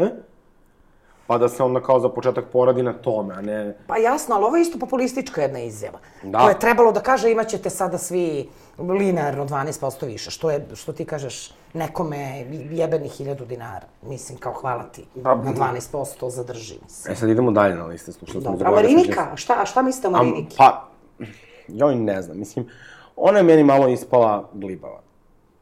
Ovaj, se. a, zato što kao, a, imala je kao neke ono, vrlo jasne stavove i sada je sve to kao nešto povukla. Sećam i oko zakona istoponim zajednicama. Znači, to je bila tako neka kao tiha podrška, pa je onda kao ona obri, pre toga obrisala ona antifa. A toliko tiha da više nije ni postojala. A nekako, Da, da. a, upravo ta grupa ljudi je poprilično bila uz nju, jer je ona nekada bila hrabra, a, zagovarala rezoluciju u Srebrenici, mislim, a sada kao bukvalno Da. ništa. I Mislim, dodelili su joj ulogu kao, kao neki demokratski šešelj. Su joj ulogu da, da se bavi kao tim nekim javnim aferama. Da, I pa to ba- na jedan onako dosta rigidan i neprijatan bukvalno kad su način. sklonili Marka Bastaća, onda je krenula Marinika da, da, bude da, da. ono... Meni se nije, to mi se nije dopalo. Mislim da nije dobra uloga za nju. Da. Što ti kažeš, imala je mnogo više stvari koje može da podeli i iskomunicira. Šteta, Mm, eto. Ovaj, da je živa i zdrava, za mene je umrla. E, e sad, doktor Miloš Jovanović nada za, nada za Srbiju. Ja sam sa tim čovekom išla u školu srednju. Mislim, Jo. mi smo išli isto odeljenje. E, ja sam išla u srednju školu, čekaj da ti kažem. Išla sam u srednju školu ovako. Ana Brnabić, Siniša Mali, Miloš, znači cela ekipa, samo ja falim. Galonja za predsednicu za tri godine. Ja se- ja sam- Očigledno nam je ta škola... Je li tad bio dobar frajer? Pa ne, meni nije dobar frajer. Stvarno, on meni je uhvat. Ja sam išao u školu sa Lukom Keberom. ne znam koja Ne znaš ko je to, škola. to onaj poslanik SNS, ne Ne znam ni. sposobni poslanik SNS-a. Mislim, išli- Čita na kineskom. Nije moja generacija. A znam ko je Kebara, nego koja je škola, to 13. pitam. gimnazija. Aha, pa- Ove, a, nije, nije moja generacija dve godine, dve godine stariji od mene, ali smo bili u istoj smeni. Ono, vidio sam onu njegovu facu. Ja, on je mučenik, stvarno, on je toliki facu. mučenik. Meni je njega žao. Da ne rekli. Meni nikog nije tu žao. Mislim, On, on to, to sad tamo onako kao, šta o, ovo, ljudi učeni kad nemaju prijatelje u, u školi? Pa šta, poslanika? Budeš Bez poslanik. ikakvog integriteta. Pa kako, mislim, plače kod kuće bez integriteta. Mislim, nek se ne bavi. ne znam, meni baš deluje unesrećan. Iskreno, tipa deluje mi kao tipa da ima, ne znam, ono, postere, onako, neki sa Playboy zečicama i kao, da, onako, da ih mazi i, i, i plače kuće. Dobro. E sad, a, Je li tebi dobar frajer, Milo, Miloš? Ko, uh, Miloš Jovanović iz DSS. Ne znam kako taj čovjek izgleda. Izgooglaj. A, a mislim da zna, da, jeste, jeste, jeste. Ali dobro, meni je lik. Mali dobar frajer. Pa, pa ne dobar frajer, on je lepuškas. Ja, jednom sam ga videla u baš na frajer. Slavi, u trenerci, iskreno. Stvarno. Da, jeste, jeste dobar frajer, ali on je, znači, uh, meni je to kao, ovaj, kao Vuk Jeremić, ovaj, meni se to gadi, ovaj, ti ljudi što su ono, ovaj, ti ljudi što su desničari, a ono, ovaj, 90-ih su završavali nekakve internacionalne uni- univerzitete. Ajde bre, znači, tu, tu mi se nešto ono kao, tu mi se nešto lodiš na neki nacionalizam, ovaj, taj iz DSS-a sa Sorbone, ono 97. a ovaj 99. na Harvardu. Ajde bre! Sve američka škola za srpsku desnicu. Tako je, znači... E, sad, pazite ovo, molim vas. Znači, još jedna lista koja na čelu ima ženu, Milica Đurđević Stavenkovski, Srpska stranka Zavetnici. Dno.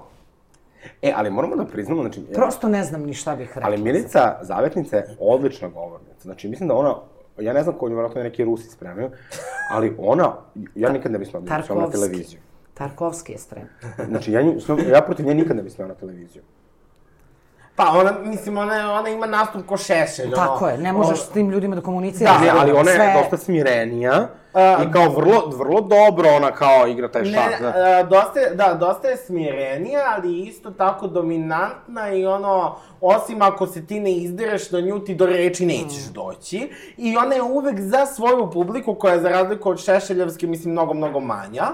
Ove, Ali sada se bolje kotiraju. E, za, za svoju publiku ona je uvek u pravu što god da je rekla.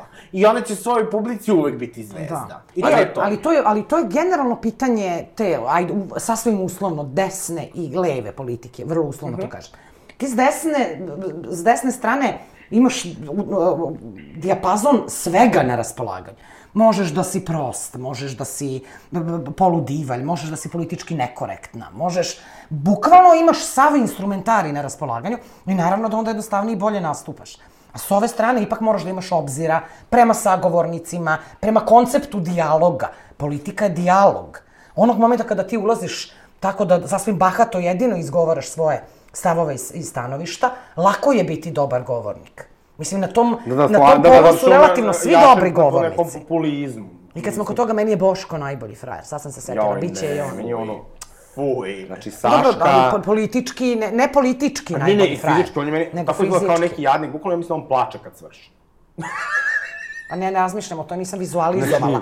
To da mi je dobar Ja se izvinjam za samo- zbog ove traume. Nego samo, sam ovako, kao na oko obučenog kad ga vidim. nisam ga drugačije. Ne, znači, on je tako nekako ima tako neku gubitničku facu. E, Znači, on je kolega s našeg faksa. Da, to znam. da, On je da. kolega sa tog smera. Jeste, moja. jeste, jeste, da, da. idemo... Ne znam, ne, ne, ne znam, ja sam ipak sa katedre Ljubiše Rajića. A je, ja, tako o, Ljubiša je božanstven čovek, A je sad opet idemo ovaj na neku emociju. Muftina Manet, stranka pravde i pomirenja, opet žena u, u, o, u same Zukor, u sama Zukorlić. To je Zukorlićeva Nisam supruga. gleda, ja, ja, ja, ali nisam, ovaj, nju, nisam nju Niko- slušala nastupe. Mufti, uh, neadekvatna A ne, zove se Usame, ja se izvinjam, znači da, ne da. Usama, nego Usame. Jedna neadekvatna politička figura bio i on. Ja, ja moram Tako da da kažem ne jedan fun znam- fact da je, da je Muamer Zukorlić umro a, 7 dana nakon što smo mi protiv njega podneli krivičnu prijavu. Jel znate da je imao, da je imao tablicu na, na džipu Mufti? Jel? Da, da. Ali, Genijalno. znači, meni je bukvalno bilo, znači, mi smo podali krivičnu prijavu njega pošto on krivio uh, LGBT zajednicu za koronu. Stvarno, Da, da, i sad mi je ono poverenica, i podali krivičnu prijavu i Pritom je to drugi, ovaj, druga osoba koju smo tužili za govor mržnje da je umrla. Ja! A, sa, a, ja sad nadam da ćemo tužimo Šešelja. pa da poguramo tu priču. Nek nam je živ i zdrav, samo da se mane politike i javnog nastupanja. Ja bi to Tuži. Dobro, Tuži. ovako. Ovaj, e sad idemo, ovaj, onda deveta lista moramo. Najbolja lista. Pa to Stvarno, je ja, toliko verujem, ja toliko verujem u te ljude, znači, kao, ne onako kao, kao delužnali klinički, naravno da oni nisu idealni, mislim sad baš neki isto ljudi koji su kao, ja, evo sad Dobrica je kao opet izabran kao isto rukovodstvo, sve bla, bla, ali mislim, meni to nekako i logično, jer je to nova stranka i to su ljudi na koje su se, ono, i ljudi u Pokret. medijima polako navikli, Da, da, koji su se stvarno tu kao puno cimali. Pa da, oni najviše i rade. Mislim, ti ljudi koje vidimo, oni rade. Nije to pitanje Da. stvarno toga da su nekako pozicionirani i nesmenjivi, nego su oni koji su najviše hteli da budu Da. aktivni. Nije lako biti politički aktivan. Mislim, Da, ali ja mislim Ma da, evo kad sam davao, kad sam davao ove, potpis za predsjednicu, ovi me pitali kao opet bi se ti malo uključio u rad, i u fazonu, ne, pa ne znam, mislim, radim po smenama, ono, Da. pa onda držim časova gde imam vremena, Da, razumiješ, da. ono kao, Ali i gomila tih ljudi isto to radi, i kao, mislim, okej, okay, ja imam kao neke druge... a radi baš da bubanj potoku po smenama, Ne, pa čisto ne, ne, sumnjam. ne, da, da. Teško je, po tim okolnostima stvarno i ne možeš, možeš o to na društvenim mrežama. Ali fizički ipak moraš da imaš neke uslove. I to je pitanje kao, ono, staro pitanje slobodnog vremena, zapravo. Jer ti da bi stvarno mogao da se posvetiš i politici tako temeljno, moraš neko vreme da si opredelila, opredelio za to i onda je... Ili onda recimo ima tako nekih tih sitnih pobjeda, kao recimo imate Nataliju Simović koja je druga na listi za Beograd, kao e, žena ima roze pramenove. Znači kao, znaš, kao Što je proze pravo nego što je fenomenalno. A ne fenomenalno, ali kao, znaš, Da, kao da. svi političari uglavnom koji izgledaju kao ono vrlo, imaju neki, kao, a Natalija kao popuno ruši te, te, te, te, te statue, pored toga što je sjajna, naravno. Da, da. Natalija nam je u prošloj epizodi bila bravo ličnost. Bravo, zbog čega? A, Pa, u, u, kao zato što je kao out, zato što je kao, ovaj, kao visoko kotelnica, zato što kao, to kao, ja, ja duboko verujem, ne, to, to je bila prošla ili preprošla, preprošla epizoda. Znaš, kao te ljude koji, kao, se to, na, kao, ne se, n- ono, ne pretvaraju, nego su kao neki, ono, kao, ljudi s kojima možeš da se, da se identifikuješ, a da oni su neki ono muškarci u odelu, mm. uh, koji imaju ono Kao ćerku Dobrica, i na primjer sad. A ja, Dobrica. Šalim se, da. E, mi smo radili neki projekat sa Barcelona en Comú, znači pokretom uh, španskim. O, fenomenalan, znači feminizacija politike, Natalija je tu bila aktivna.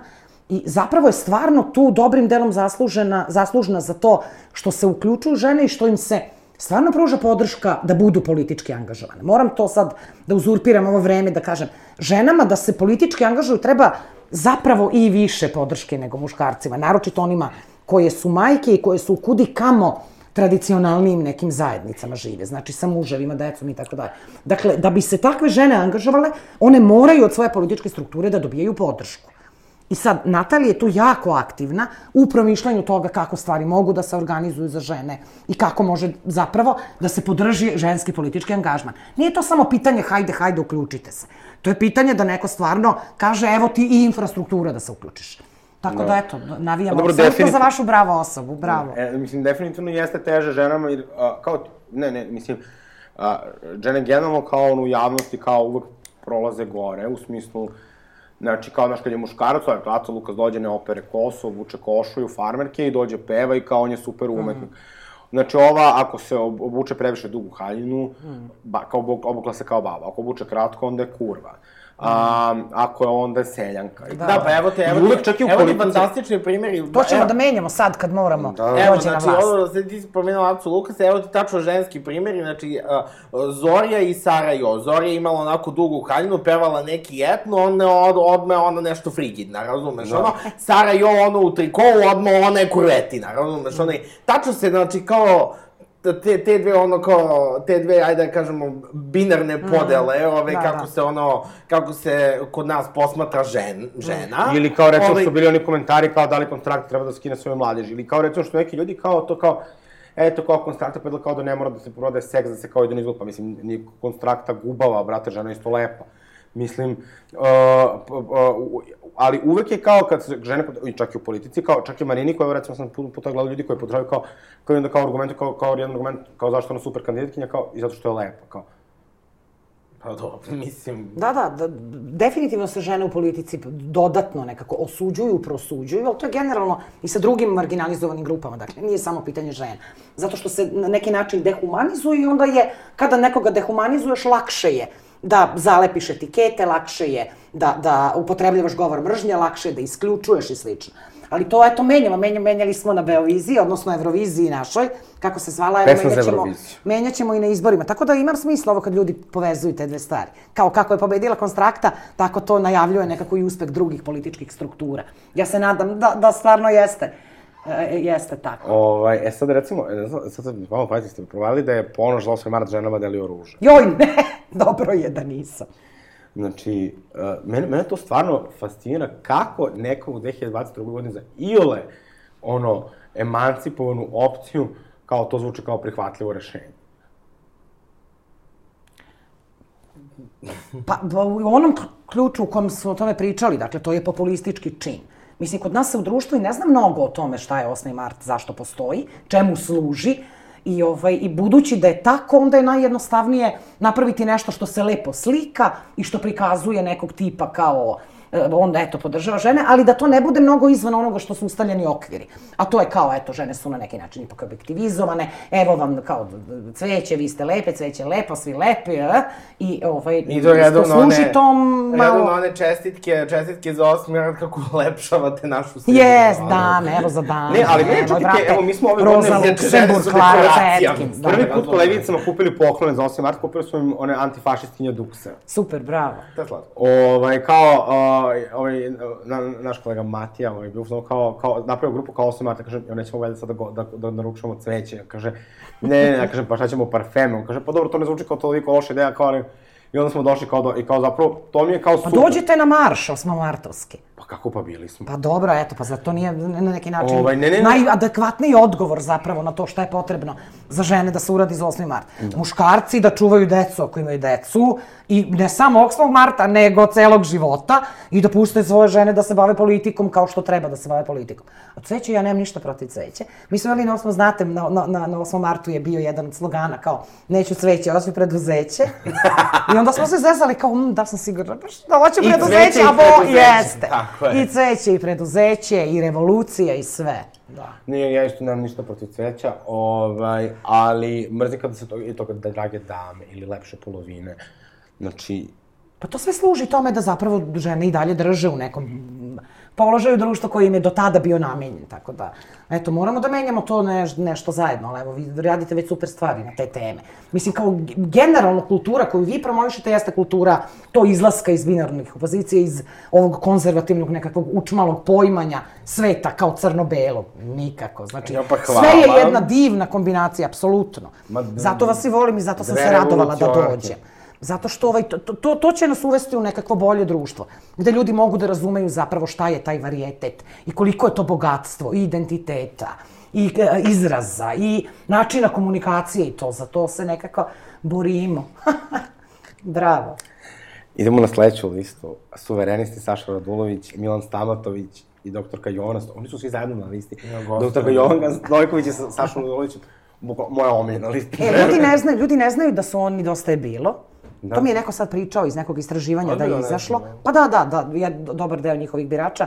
E, e, kada se podsete da je to lista dosta je bilo, onda kao, aha, aha, da, da, hoću da glasam. Naprimjer, je 2% razlika u odnosu na ime samo. Aha. Na promenu kao imena zbog koalicije.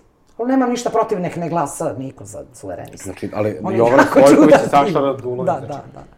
i Milan Stamatović. Dakle, a, antivakseri, vojni kampovi... Čudesa. Čudesa.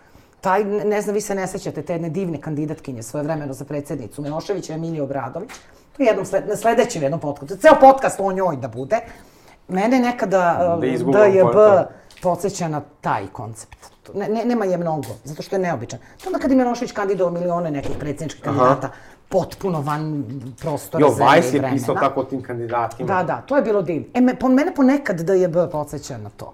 To je tako jedan potpuno izmešten iz sveta i vremena i života, politički kontekst i govor, ideje čudesne. Tako da ja na to ne bih ni mnogo pažnje polagala tome. Ne, pa meni su, mislim, dosta je bilo ono, znači, stranka koja je, ono, okrenula čurak naopako sedam puta, mislim, ono, to s- jednostavno... Ja ne mogu da pričam protiv DB, mene Branka Saturn prati ovaj, na... Branka Saturn mi je, de, definitivno najbolje nešto što je izašlo, izašlo iz te stranke jeste taj nadimak Branka Saturn. A ja volim ovaj klip kad, uh, kad ovaj lik na protestu, ono, prošle godine je, uh, na, odnosno preprošle godine, napao nekog dečka, pa kad ga Branka istuče tašnom. da, to jeste. A ono Jeste se- odličan politički potez, kada Da, da, ali, ali onda se ona ložila da je ona, da je onda ona, ona švedska baba što je u onom, a, što je u Vekše u... Ovo je, mislim, ove- četvrta ili peti put da pričamo o ovoj babi iz Švedske. Da, da, ona švedska baba što je u Vekše u ove... A, Ima svoj spomenik. a, Da, ima svoj spomenik i ona je ove, tog nekog kao fašistu, ove, ove, a, nekog nacistu, ove, tipa tašnu, nekog Da, da, da, nacističkog da. vojnika. Ima ta, pa ta fotka kruži ono 100, 100 godina već. Da, da, da, da, da, da. Super. Da, ali ne, ne, ne, ne za političku opciju, stvarno. Ovako, kao podignuti nekakve javne ličnosti koje nešto muljaju i kreću se, super, podržavam, nemam ništa protiv, ali da, da to sad nešto bude neka ozbiljna politička Ali neko mi je rekao da i oni prelaze cenzus. Pa onda to ima 150% će da bude bez SMS-a. Pa da, dobro, i to se radujem. Ako je realno, vidjet ćemo. Onda idemo dalje. Da, moguće da prelaze. Nisam gledala stvarno ta Ja sam poslednja pitala Gorana istraživanja. Dugo, ja nisam uspio da nađem. A znam da, da, neko, da su ljudi pričali. Sad sledeći su Dveri, POX i Patriotski blog za obnovu Kraljevine, da Bog da crkli. Začuđena sam. Eto, ja se stalno tome čudim, stvarno. To je kao neka vremenska mašina ko, koja, u kojoj ne želiš da budeš. I ne znam, ovaj, ne, ne mogu da, da razumem stvarno to. Ni koncepte, ni upotrebu tih koncepata u 21. veku i tu ideju uopšte da vreme treba da stane. i da se, da kao to živimo i funkcionišemo kao pre 100 godina. Kome to možda pada? Mislim, Petrović. čak da, da je Srbija ikada, da je Srbija ikada bila društvo u kome je bilo lepo živeti i valja nekako da su ljudi ikada tu uživali, bilo koji ljudi koji nisu ono, Đurać Branković i kao to ti vladari i satrapi, da, ajde da kažeš nekada je bilo, pa ajde da probamo da opet bude. Iako je nerealno, mislim, svet se ne, vreme ide, pa ne možeš ga zaustaviti. Međutim, nikada u Srbiji nije, nije bilo Ne tako. samo- ne- ne tako da mi to, kao da potpuno nerealan koncept. Nego ja stvarno ne znam, da kao pokret za obnovu Kraljevine Srbije, ja samo ne znam kako su oni to zamislili. Kako su oni tačno zamislili, oni kada to, ajde, ajde sad, da vam kažem, oni da, kao na i odu na Ja vlast. sam jednom dejtovao lika koji je monarhista. A to mi je i za dveri I koji radi ovaj, na, u tim nekim inicijativama. On, on tvrdi da je a, 60% ljudi u Srbiji ovaj, za, za, za, za monarhiju. Pa da, Važi. ovaj, nije nemo, mislim, čak nije ni nemoguće. Ali ovaj, ljudi tako im- imaju Bez neku romantičnu ideju o, o, o tradiciji i nemaju znanja o tome šta je zapravo srpska istorija. Nemaju, kao da čitaju, da, treba da se čitaju knjige o tome šta je srpska istorija i da se vidi da je taj Šta mislite, koncept ako bi sad trebalo ovaj, da, da uspostavimo monarhiju i da izaberemo a, novu kraljevsku porodicu, koga biste izabrali? Pa Dobricu i njegova supruga. Dobro, ti Goksin. Šalim se, nemam Porodicu pojma. Bekvalac, razume se. Dobro, ti? znači, neka onako feministička monarhija, znači tačno Dragana, Nataša, A, Kristina. bravo, da, da. Znači, To ja bih volao tipa da nam možda Milicu. Ceca Bojković Anu i bude- Milicu. Da nam recimo možda Ceca I Saša Bojković kao bude tata kraljica. deteta. Da nam recimo Ceca Bojković Ceca, bude može, kraljica, pa onda. Katarina Žutić da je nastavlja. Princeza, princesa. Da, može, može. E, znači, ja sam uvek za tako te... Može da bude drag kraljica, kraljica, izvini. Pa evo, ne, onda ja. bi, onda bi Može, Aleksis, da, da, da, da. Odmah pretendovala na pet. Može. Presto ja to stvarno... Mada, E, ja, to bih, ja a za to bih se i zalagala. E, ma da, Zamisli ja kao kraljica koja ima potetka bi svoj dobro prošla tu. Bravo. Kraljica, ti možeš da budeš dvorska luda. Užasno. Užasno. A ja ću da budem, a, kako se zove ono, a, oni što, što se zove Ministarka, blagajna. naravno. Blagajna, ona blagajnica, nije trezor. Kako se zove to? Ima neko ime. Nemam pojma. Nema veze, ali hajde da, hajde da pravimo pokret. A, za, bez, Za kralja, obnovu bez kraljice ne valja i bez obnovu kraljevine i da nam dve kraljice budu kandidatke I, a ja za hoću da sečem sabljom ovaj, tortu kao kraljica Elizabeta. Da, da. I da proglašavaš vitezove. Da. Okruglog stola, znaš? Sa grindera. Da Ja grindujem Ja ću kao danska kraljica samo da sedim i da pušim. Ili holandska da plivaš u kanalu. E sad, dobro, ide, dveri smo prošli zajedno za Vojvodu, ajde, nebitni, još jedan Sandra, Sulejman? Ugljanin. I još dve imamo, Boris Tadić, Ajmo ljudi, Ajmo, socijaldemokratska ljudi. stranka, nova stranka. Ajmo Jedan ljudi, to je onaj njegov, to, to je ono njegovo na basketu, ono kao, ajmo, ja, izvini. Da, da, to je zbog Dulata ne, po- Vujoševića. to ne podnosim to. Da, da. Ne podnosim taj, kao drugari smo, taj, taj manir Ortak, komunikacije, da, da. ortački, da. Tu smo, svoji smo, drugari smo, nismo, brate, drugari. Prvo, tolerancija Nekad smo bili upropastio je demokratsku To stranku. To je isto vali se Upropastio demokratsku, ne on nego Tadić. I svi, ne, I onda kaže, Ujedinjeni pokret zelenih Srbije, Bošnjačka građanska stranka, stranka Crnogoraca. Neka, dobro, ali manjinske imaju te prirodne cenzuse i oni prolaze uglavnom. Ali oni su svi u koaliciji sa Tadićem. Da, aha, okej, okej. I I on zeleni. ima... Možda alter- da bi se Tadić registrovao kao manjinska stranka. Ne može, da. Ne može. I onda ide albanska demokratska alternativa. Pa Dobro. dobro, ako je mogo, ovaj, uh, bože, Đorđe Vukadinović. Vukadinović da prođe kao vlah. Da, da, da. I on je jedan užasan tip. Ali Odvratan. ovaj, da, da. Zapravo, znaš što sam shvatila? Ja sam shvatila da lakše komuniciram i više se radujem tim nekim autentičnim ljudima, makar da su manijaci, neki kao radikali i to, ali da kao imaju stav i da stoje, stvarno, na svom stavu. A ovi koji kao su samo konzervativni, a zapravo nemaju nikakav elan, žar, niti autentičnost političko, njih stvarno ne mogu više da podnese. E, znate ko još uh, skuplja potpise za, pre, za, Ko? za kandidaturu za predsednicu? Branka Stator. Sovrlić. Mislila sam reći Branka Sovrlić. Ne, za to bi A, za to mi glasao. Imamo četiri? Biljana, I'm sorry, ali... E, imamo četiri predne kandidature. Ponoš, Miloš Da, da. Jovanović, Milica Đorđe Stamenkovski i Vučić, a onda ko skuplja? Mlađan Đorđević, ovaj Đilasov kum, Da. ovaj ludak, Aleksandar Banjac, novi komunistički pokret Jugoslavije. Može.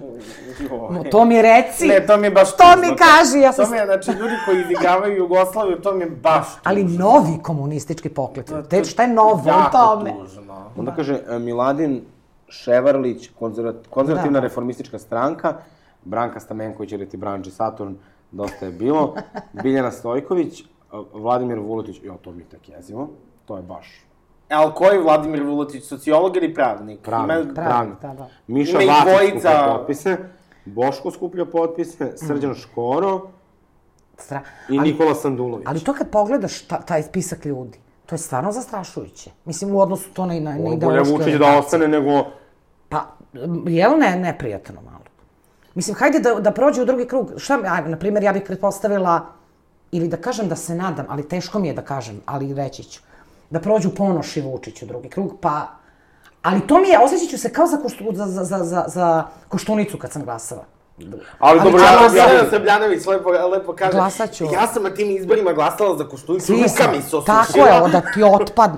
I to stalno, ovdje u Srbiji stalno te teraju. I zato sve radim, vraćam se sad na onu temu, nemojte preći će cenzus, bolje da gla... Ne, glasajte za koga želite da glasate.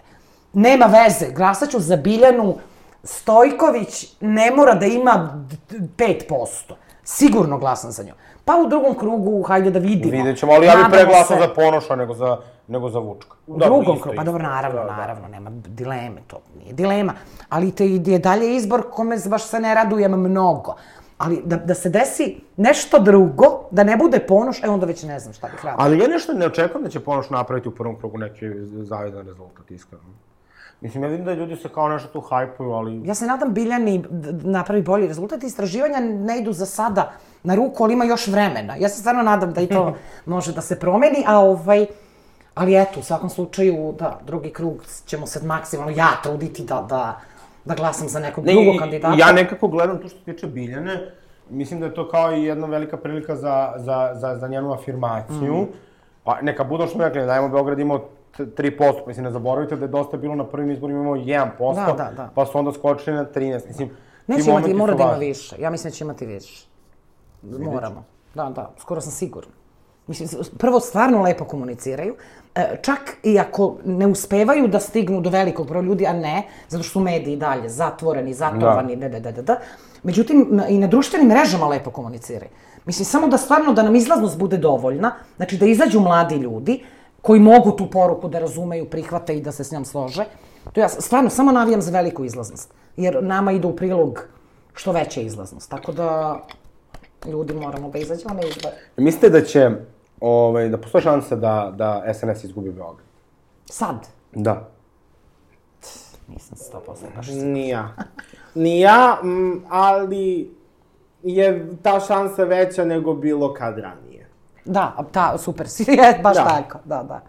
Baš tako, mislim, ali dobro, to je početak, to, to, kad počne, moment kada počinje da se kruni jedna politička opcija, to je moment kada on, kada, kada on brzo zapravo završava. Ove, sa- a, sa jedan moj drug, čije ja mišljenje vrlo često, mislim, jako poštujem, Ove, o, on je, na primjer, kad su ono svi bojkotovali izbore, pa, ove, a, pa kad je SNS osvojio apsolutno sve, Ove, a, onda je on rekao kao to je zapravo super i ove, da osvoje apsolutno sve, reći onda kada te se kolju međusobno. Da, da, da, da. Onda se prave frakcije i otimaju se za, za resurse. Da, onda, onda će se otimaju oko pozicija, Da, da, da. ono...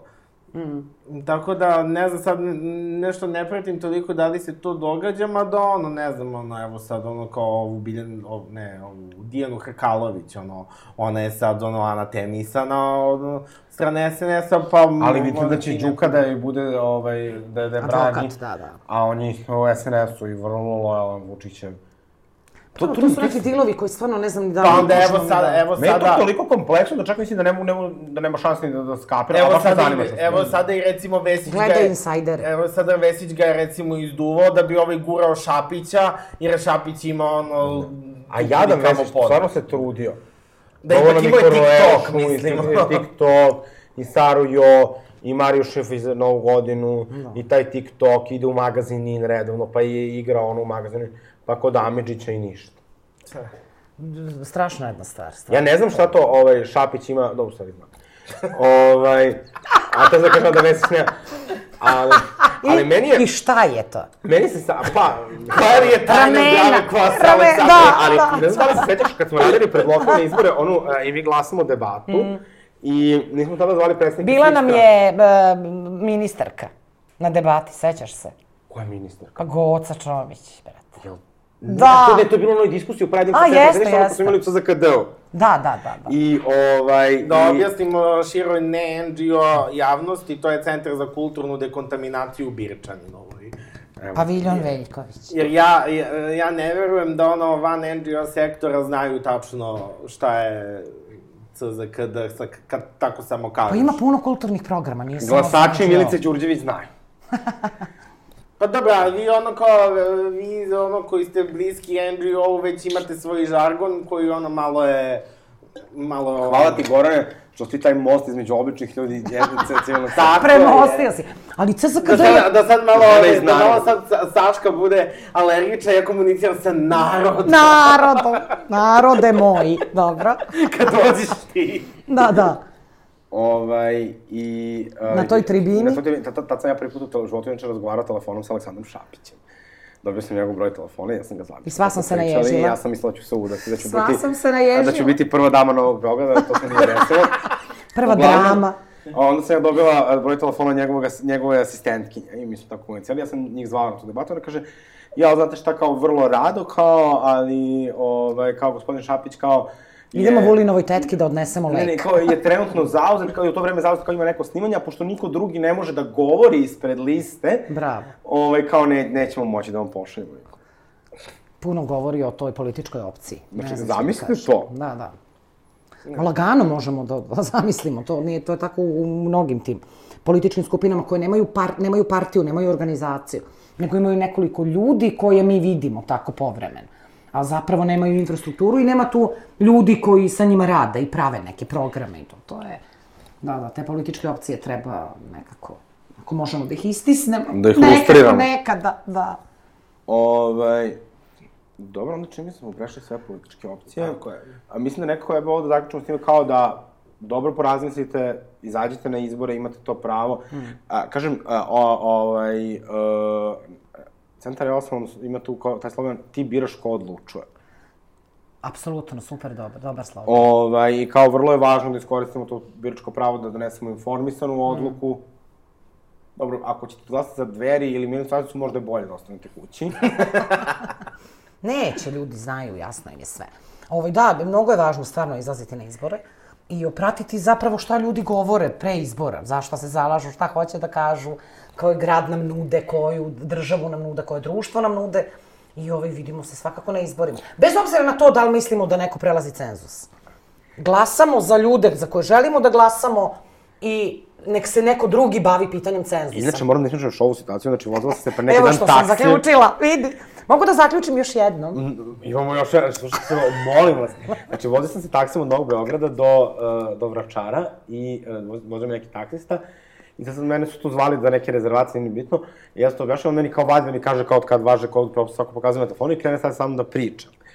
I prvo mi je rekao kako, ma kaže, kaže ovo je sve, kaže katastrofa, kaže pogledaj šta nam radi ovaj Vučić, pa kao to je sve zbog Miloševića, kao treba, kao sad Ukrajina, kao ne treba Zelenski da se prepere, treba da popusti Putinu, bolje da je Milošević popustio, kao ne bi izginulo neki narod, bla, bla, bla.